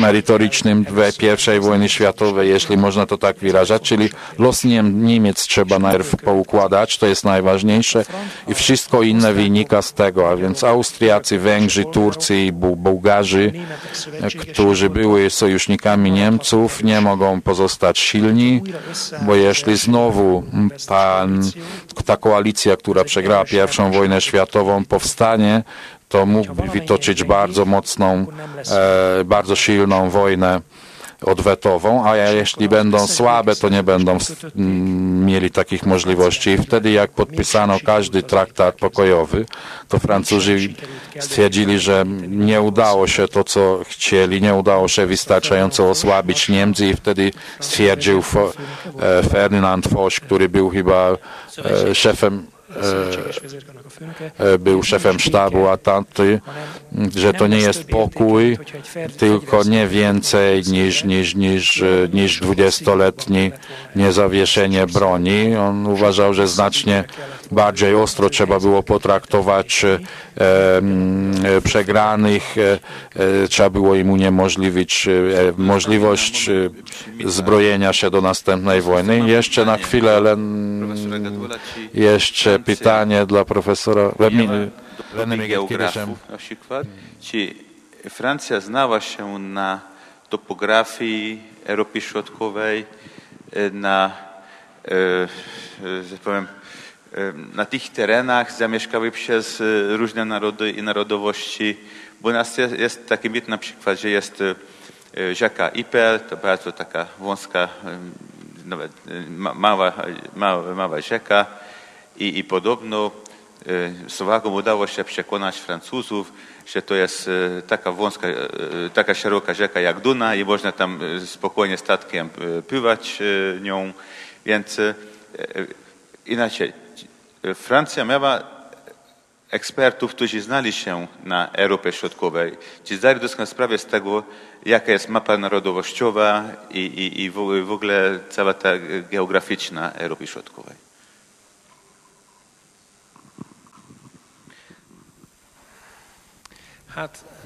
Mm, a kép. Y, Obraz jest nieco bardziej złożony. Azt megérteni, W Polsce relatywnie jest to proste zrozumieć, że, y, że wschód, w tamtych czasach, húzni, gdziekolwiek byśmy postawili linię na, na kresach Polski, nie dałoby radę. Nie ma, nie ma takiej linii, Gdzie- gdzie byliby Polacy, a po drugiej stronie Białorusi na przykład. Nie ma tak. Tak samo nie ma, że tu są Polacy, tam są Ukraińcy. Nie da się linią przedzielić. Są wszędzie porozrzucani. Lemberg. Albo spójrzmy na Lwów. Húzni? Czy można tam jakąś linię podziału dać? Nie da się. A, a nemzetiségek, a nyelvek Ponieważ te narodowości tam były. Nie, nie tylko nawet chodzi o używanie języka, tylko w ogóle o, o religię. To oni u, o, obok siebie wyrastali. Ja już nie mówiąc, już nie mówiąc o tym, że w tamtych czasach, czyli przed 39, millió számban voltak zsidók. miliony Żydów tam zamieszkiwało. W wielu, wielu miastach. Czyli ci mieszkańcy tych miast, czy Żydzi byli bardzo istotnym czynnikiem. Ale z punktu widzenia narodowościowego to nie było takie oczywiste. Czyli gdzie, jak, co, to, to, to albo się liczyło czasem jako religię, czasem jako narodowość, albo to się zmieniało. Jeżeli teraz powrócimy na Węgry, persze, hogy egyben az volt, hogy voltak emberek, akik nagyon jól tudtak, hogy az ipoly az nem létező. oczywiście, oczywiście, gyalog- y, że byli tacy ludzie, którzy wiedzieli, że ta rzeczka Ipoj to jest coś, co prawie nie istnieje. Czasem można było suchą nogą przejść przez tą rzeczkę, ale wykonali kilka doskonałych zdjęć i Ipoj, e, rzeczka Ipoj urosła prawie e, do wielkości Wisły. No tak wygląda zwyczajna manipulacja polityczna. To do dzisiejszego dnia działa. Wszyscy mamy telewizor i cieszymy się nawet z tego. Każdego dnia patrzymy na to. Nie ma nic nadzwyczajnego w tym. To nie o to chodzi, że oni nie znali się na tym. Nie, chodziło o to o propagandę. Ale jeszcze jedną rzecz chciałem dodać e, tutaj do, do wypowiedzi kolegi, profesora. Jednym bardzo, bardzo istotnym składnikiem w tym wszystkim jest to, że zarówno w Paryżu, czy w Wersal, czy Wersaju tak naprawdę przepracowano, że tak powiem, połowę tego pokoju. Dlaczego? Dlatego, że w tamtych czasach, jeżeli się dobrze przyjrzymy się, ale już tak z perspektywy całego świata, jak spojrzymy na to, to najistotniejsze było to, co się dzieje na morzach. A z kolei traktat pokojowy, ami a, a czyli ta część, która dotyczy tych flot, Czyli to, co było najistotniejsze. No w tamtym czasie na pewno Anglikom, ale dla Stanów Zjednoczonych też istotne by było. 22-ben Washingtonban dölt el. To dopiero przesądzone w tym 22 roku w Waszyngtonie. Tam był koniec. Volt az egész békerendszer egy nagyon alapvető elem. I tam właśnie to był bardzo ważny składnik całego ładu. Czyli w Paryżu mówiono o tym, ale to nie było jeszcze uporządkowane. Jeszcze nie przesądzono. To też pokazuje nam, jak, jak bardzo z, z rąk europejskich narodów ich własna sprawa wyślizgnęła się, że tak powiem. Tak, bo zauważyliśmy, że za, dla Europy podczas kolejnej wojny już wiedzieliśmy, że morza były bardzo ważne dla Europy. I tylko wtedy pokazuje nam ten obraz e, kompleksowo. I myślę, że my powinniśmy się postarać tutaj obraz taki kompleksowy podać. Utolsó kérdés még a professzor úrhoz. 39 Jak w marcu właśnie przywrócono na małym odcinku wspólną granicę polsko-węgierską, okazało się, że jak korzystnie było dla Polaków, bo we wrześniu mogli właśnie przekroczyć tę granicę i przed nadzorującymi się Niemcami udać się na Węgry i tam znaleźć schronienie. W związku z tym, czy pod koniec wojny, czy na początku lat 20., czy były dążenie w Polsce, żeby mieć już nawet wtedy taką wspólną granicę polsko-węgierską, żeby jak e, można było, e, nie wiem, e, Wilno m, dołączyć do pow- powstałej Polski. Czy były takie dążenia, przynajmniej na mapie, albo, albo jakiś tam poważny publicysta o tym pisał, że jednak e, korzystne byłoby dla Polski, dla powstającej Polski w XIX roku, XX, żeby była na, nawet na najmniejszym odcinku granica polsko-węgierska. E, Rzeczywiście były takie e, pomysły, zwłaszcza po 26 roku, po zamachu Piłsudskiego.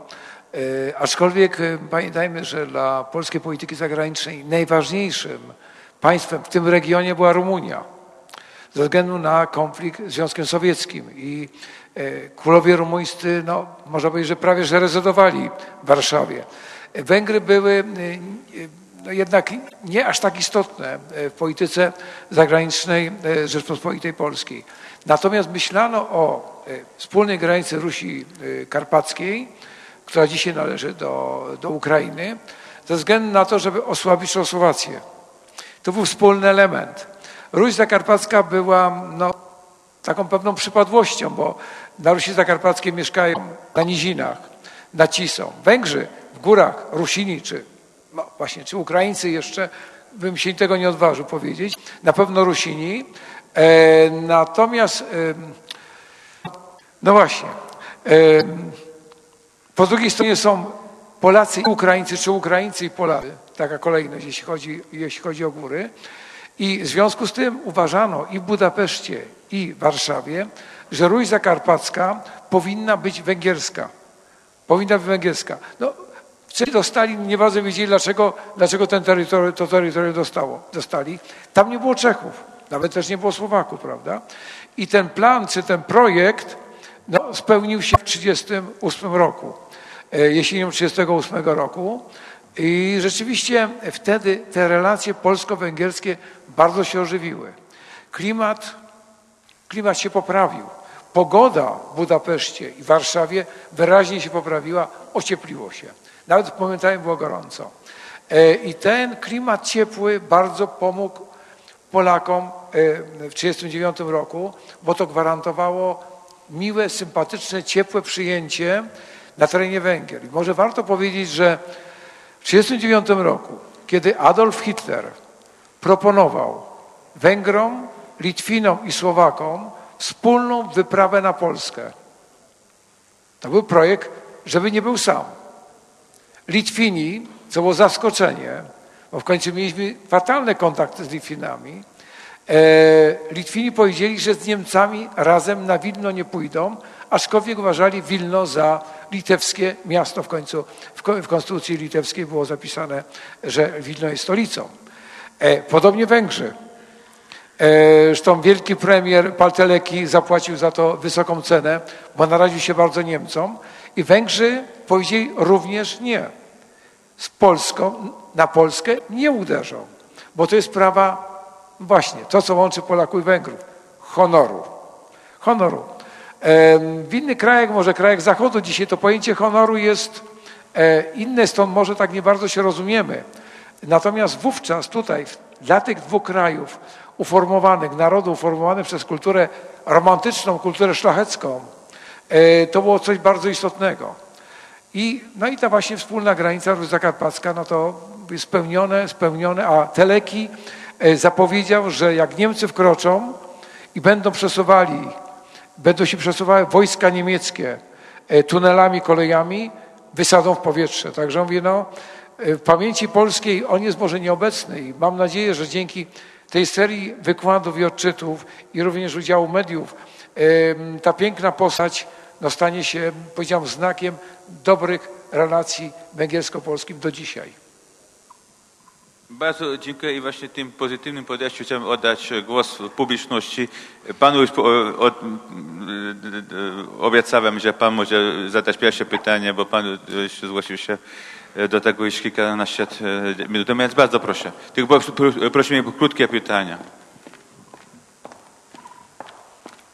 I możliwe jedno pytanie, najwyżej dwa i tak Michał nie będzie Orzechowski, stanie. ja zrobiłem scenariusz o 20 roku, w którym jest między innymi wspomnienie, scenariusz filmowy, że Węgrzy wysłali, y, jak jest wiadomo, y, do Polski e, amunicję w czasie Bitwy Warszawskiej. Co jest mniej wiadomo, Węgrzy chcieli też w 20 roku wysłać y, wojsko, ale nie pozwoliła na to Czechosłowacja. Czechosłowacja y, według niektórych z panów pokojowo y, w tym czasie była zajęta zajmowaniem Zaolzia i to było zbrojne i krwawe zajmowanie, więc taka polityka do końca nie była to też pokojowa, to taka małowaga.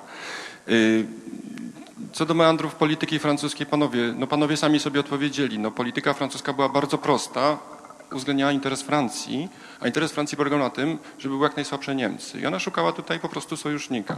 Interes Anglii był trochę sprzeczny, dlatego że z jednej strony to był sojusznik Francji, ale z drugiej strony Anglikom też nie zależało na tym, żeby Francja była zbyt silna i y, osłabianie Niemców nie było w dużym interesie brytyjskim, więc to były sprzeczności, trzeba o tym pamiętać. To był jeden podobno z powodów, dlaczego Piłsudski nie udzielił w 20 roku, w 19 tego wsparcia y, m, białym Rosjanom, z, z, z, y, którzy szli z Krymu w Wranglowi, dlatego że w tym momencie, gdyby biała Rosja zaczęła wygrywać, to wsparcie Francuzów i aliantów przeniosłoby się z Polski na Rosję, tą niebolszewicką, bo dla Francuzów najważniejszy był prze, yy, przeciwnik dla Niemiec. I większa Rosja była lep, pewniejszym, więc Piłsudski wiedział, że y, wsparcie warunkowe Francji, w interesie Francji, które było też w interesie Polski, y, może się przenieść, więc trzeba zrozumieć, że to jest taka gra dy, dy, dynamiczna, podpolska też podobnie grała. Pierwsze pytanie tutaj Piłsudski w 1933 roku jako pierwszy zaproponował Francji i Anglii uderzenie na y, Niemcy Hitlera. Francja wtedy odmówiła. W 1938 była mm, silna propozycja Polski wobec Czechosłowacji sojuszu przeciwko Niemcom. Y, Czechosłowacja to nie weszła w to. Y, Znaczne potem ilości y, broni, samolotów, czołgów, jedna trzecia w armii niemieckiej y, była czechosłowackiej produkcji w 1939 roku. Nawet Korpus Słowacki zajmował Zakopane u boku y, y, III Rzeszy jako sojusznik, to też trzeba pamiętać. Znaczy nie wypominać, ale pamiętajmy. Y, Więc ja nie rozumiem tego pana, jednego z panów stwierdzenia, że Polska w 1935 roku coś tu zmieniła w tej grze. To jest takie pytanie. Drugie pytanie ogólne. Na ile po I wojnie światowej Węgry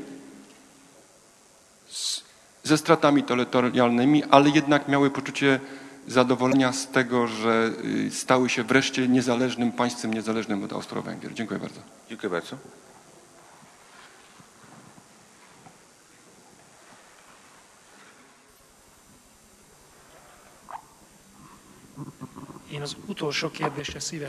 Na ostatnie pytanie bardzo chętnie odpowiem, ale większość pytań jest e, odnosi się do Polski, a więc może zacznijmy z tym. Okej.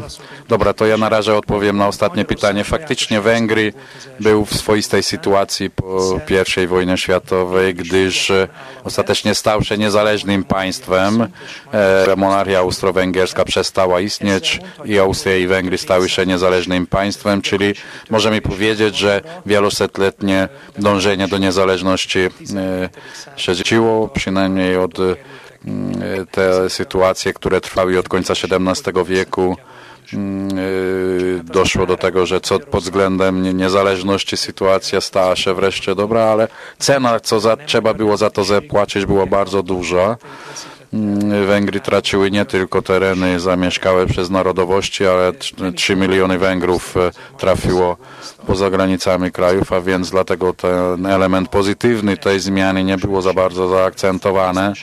E, Co do rozpadu monarchii, raczej była nostalgia co do monarchii, do tych tak zwanych szczęśliwych złotych czasów monarchii, czyli przede wszystkim druga połowa XIX wieku, e, wielka, e, wielki sukces gospodarczy i kulturalny monarchii austro-węgierskiej. Na koniec XIX wieku, na początku XX wieku już więcej powiązało Węgrów, Węgry i Austrię niż wcześniejsza nienawiść czy, czy, czy, czy, czy, czy dążenia do niezależności. To była prosperująca dla Węgry pod względem ekonomicznym bardzo korzystny mm, twór państwowy, który choć e, pełnej niezależności nie zapewniał dla Węgrów, ale e, przyniósł e, wcześniej nigdy niedoświadczony rozwój gospodarczy, więc nie był jednoznacznie pozytywny, żeby tak delikatnie mówiąc mm, e, rozpad monarchii pod względem węgierskim. Jeszcze jedna sprawa była węgierska, że Węgry w XIX-XX roku e, zamierzali podać wojskową pomoc dla Polski. Faktycznie tak było, ale to nie był to tylko taki mm, związany z przyjaźnią, tylko dwa dodatkowe jeszcze były y, zamiary ze strony węgierskiej. Po pierwsze, w ten sposób Węgry y, mógł stać się bardziej sympatyczny y, w z braniem udziału w akcji przeciwko bolszewickiej Rosji mógłby być bardziej sympatyczny dla zachodnich mocarstw, a druga, jeszcze bardziej jednoznaczny, na korzyść Węgry chcieliby, żeby mógł y, utworzyć stutysięczną armię, Franciaország którego uzbrojenie zapewniałaby Francja. Z, z tymi siłami wspomógłby, wspomogliby Węgry, ale jako, że muszą przejść przez wschodnie tereny Czechosłowacji, to już mogliby tam zostać. Wobec tego w ten sposób ten teren Węgry by odzyskali. To jest ten teren e, Podkarpacia. Dlatego Czechos- Czechosłowacy protestowali, bo czu, wyczuwali, jakie tutaj są ukryte zamiary. Oczywiście tutaj e, pan profesor wyjaśnił, jakie były e, motywy, które skłoniły e, Węgrów do zaoferowania, zaoferowania pomocy. Jasne, klarowne i tru, trudno coś więcej dodać. Natomiast zresztą w 1920 roku, kiedy dochodzi do wojny polsko-bolszewickiej, zapasy surowców wojennych, broni, amunicji były zdecydowanie wystarczające. One pozwalały na prowadzenie kilkumiesięcznej kampanii na wschodzie e, i to, co dotarło z Węgier, to były oczywiście mikroskopijne ilości. Natomiast jest faktem, że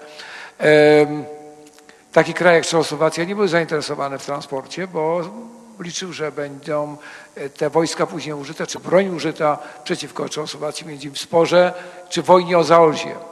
O Zaolzie. Zresztą postawa Czechosłowacji jest też z punktu widzenia interesów Czechosłowacji w pełni zrozumiała. Natomiast pan wspomniał o tej próbie przekonania Francuzów 1933 roku, czyli wojny prewencyjnej. O tym się we Francji prawie nic nie pisze. E, Na Zachodzie, w krajach anglosaskich w ogóle o tym nic nie ma w literaturze. Jest to faktycznie temat martwy. Najwięcej się pisze u nas. No bo to jak dowód na to, że jesteśmy bardzo aktywni.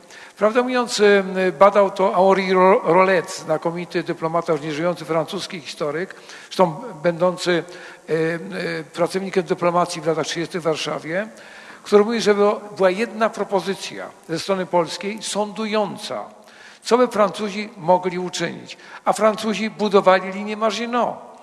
E, Francuzi utracili milion czterysta milionów młodych ludzi. Francuzi mieli ujemny przyrost naturalny. Dystans między Francją a Niemcami się zwiększał z roku na rok. Demografia była nie bez znaczenia. I e, Francuzi wybrali ten wariant, bo uważali, że to jest jedyna szansa, jedyna szansa na powstrzymanie Niemców. Dlatego e, e, pomysł wyprawy przeciwko Niemcom, nawet w 1933 roku, kiedy Niemcy mieli tylko armię stutysięczną, nie mógł być skonsumowany przez Kedorse. Rok 1938 Powiem tak, y, były to tylko luźne rozmowy sądujące czechosłowacko-polskie. Zresztą sam pan wspominał, że relacje polsko-czechosłowackie były niedobre, z czym się zgodzę. Była próba ożywienia w 1937-1938 roku, próba w sumie nieudana. Zbyt dużo nas różniło, zbyt dużo mieliśmy sprzecznych interesów, by nagle z dnia na dzień doprowadzić do sojuszu. To wymaga dłuższej, dłuższej współpracy między Pragą i Warszawą. Na to nie było czasu, a nie było takiego mentalnego, intelektualnego e, e, przyzwolenia.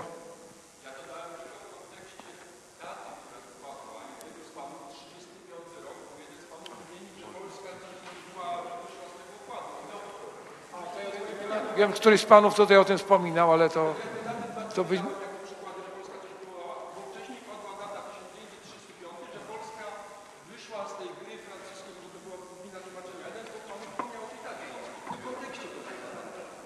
Jasne, to dzięki, to dzięki serdecznie. Rzeczywiście tutaj pan nam to ładnie wyjaśnił.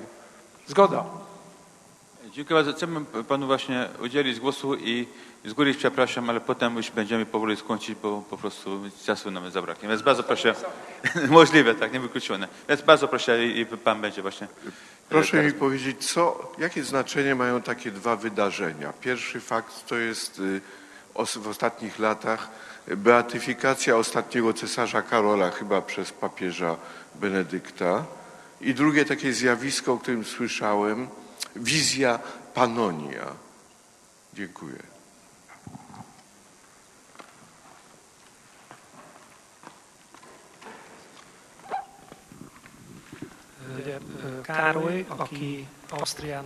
Karol, ostatni e, carz e, Austrii, ostatni król e, Węgier, Habsburg,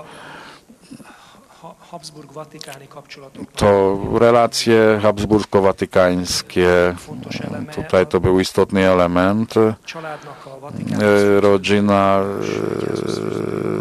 e, ma bardzo dobre relacje z e, Kościołem katolickim. Byłem w konferencji w Rzymie właśnie wtedy, kiedy e, został beatyfikowany i był tam ta osoba z kościoła, który był relatorem e, tej, e, tego wydarzenia. On wymienił te e, czyny, Károlyt które mm, e, e, stanowią, że e, Kościół może go przyjąć do beatyfikowanych. Tutaj to było jego bardzo silna religijność, e, bardzo ludzka polityka w czasie wojny światowej i békés, tehát a békekísérleteinek, a, I- békekísérletének az elindítása volt. y, uruchomienie prób zawarcia pokoju, a więc nie e,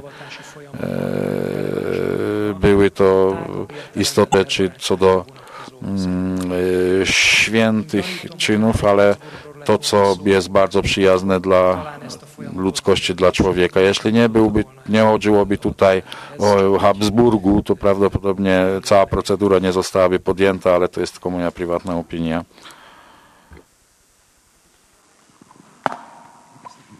Państwo, ja naprawdę serce mnie boli, ale muszę, muszę przerwać. Już będzie można potem pytać naszych gości, ale widzę, że już naprawdę rozumiem, że publiczność powoli ucieka, bo już jest już po siódmej mamy. Więc proszę mi pozwolić na krótkie e, ogłoszenie parafialne, mianowicie, że zobaczymy się za dwa tygodnie, wtedy prelegentem będzie profesor e, Csaba Kisz, jak każdy przyzwoity Węgier mówi pięknie po polsku i temat też będzie, będzie bardzo ciekawy pod tytułem Polacy i Węgrzy wspólny kod. Więc zapraszamy za dwa tygodnie. Kody, kody, przepraszam, wspólne kody, tak, wspólne kody. Więc bardzo dziękuję e, naszym gościom za e, ciekawe wypo- wypowiedzi. Bardzo dziękujemy Państwu za obecność i zapraszamy za dwa tygodnie. Do zobaczenia 10 grudnia. Dziękuję bardzo.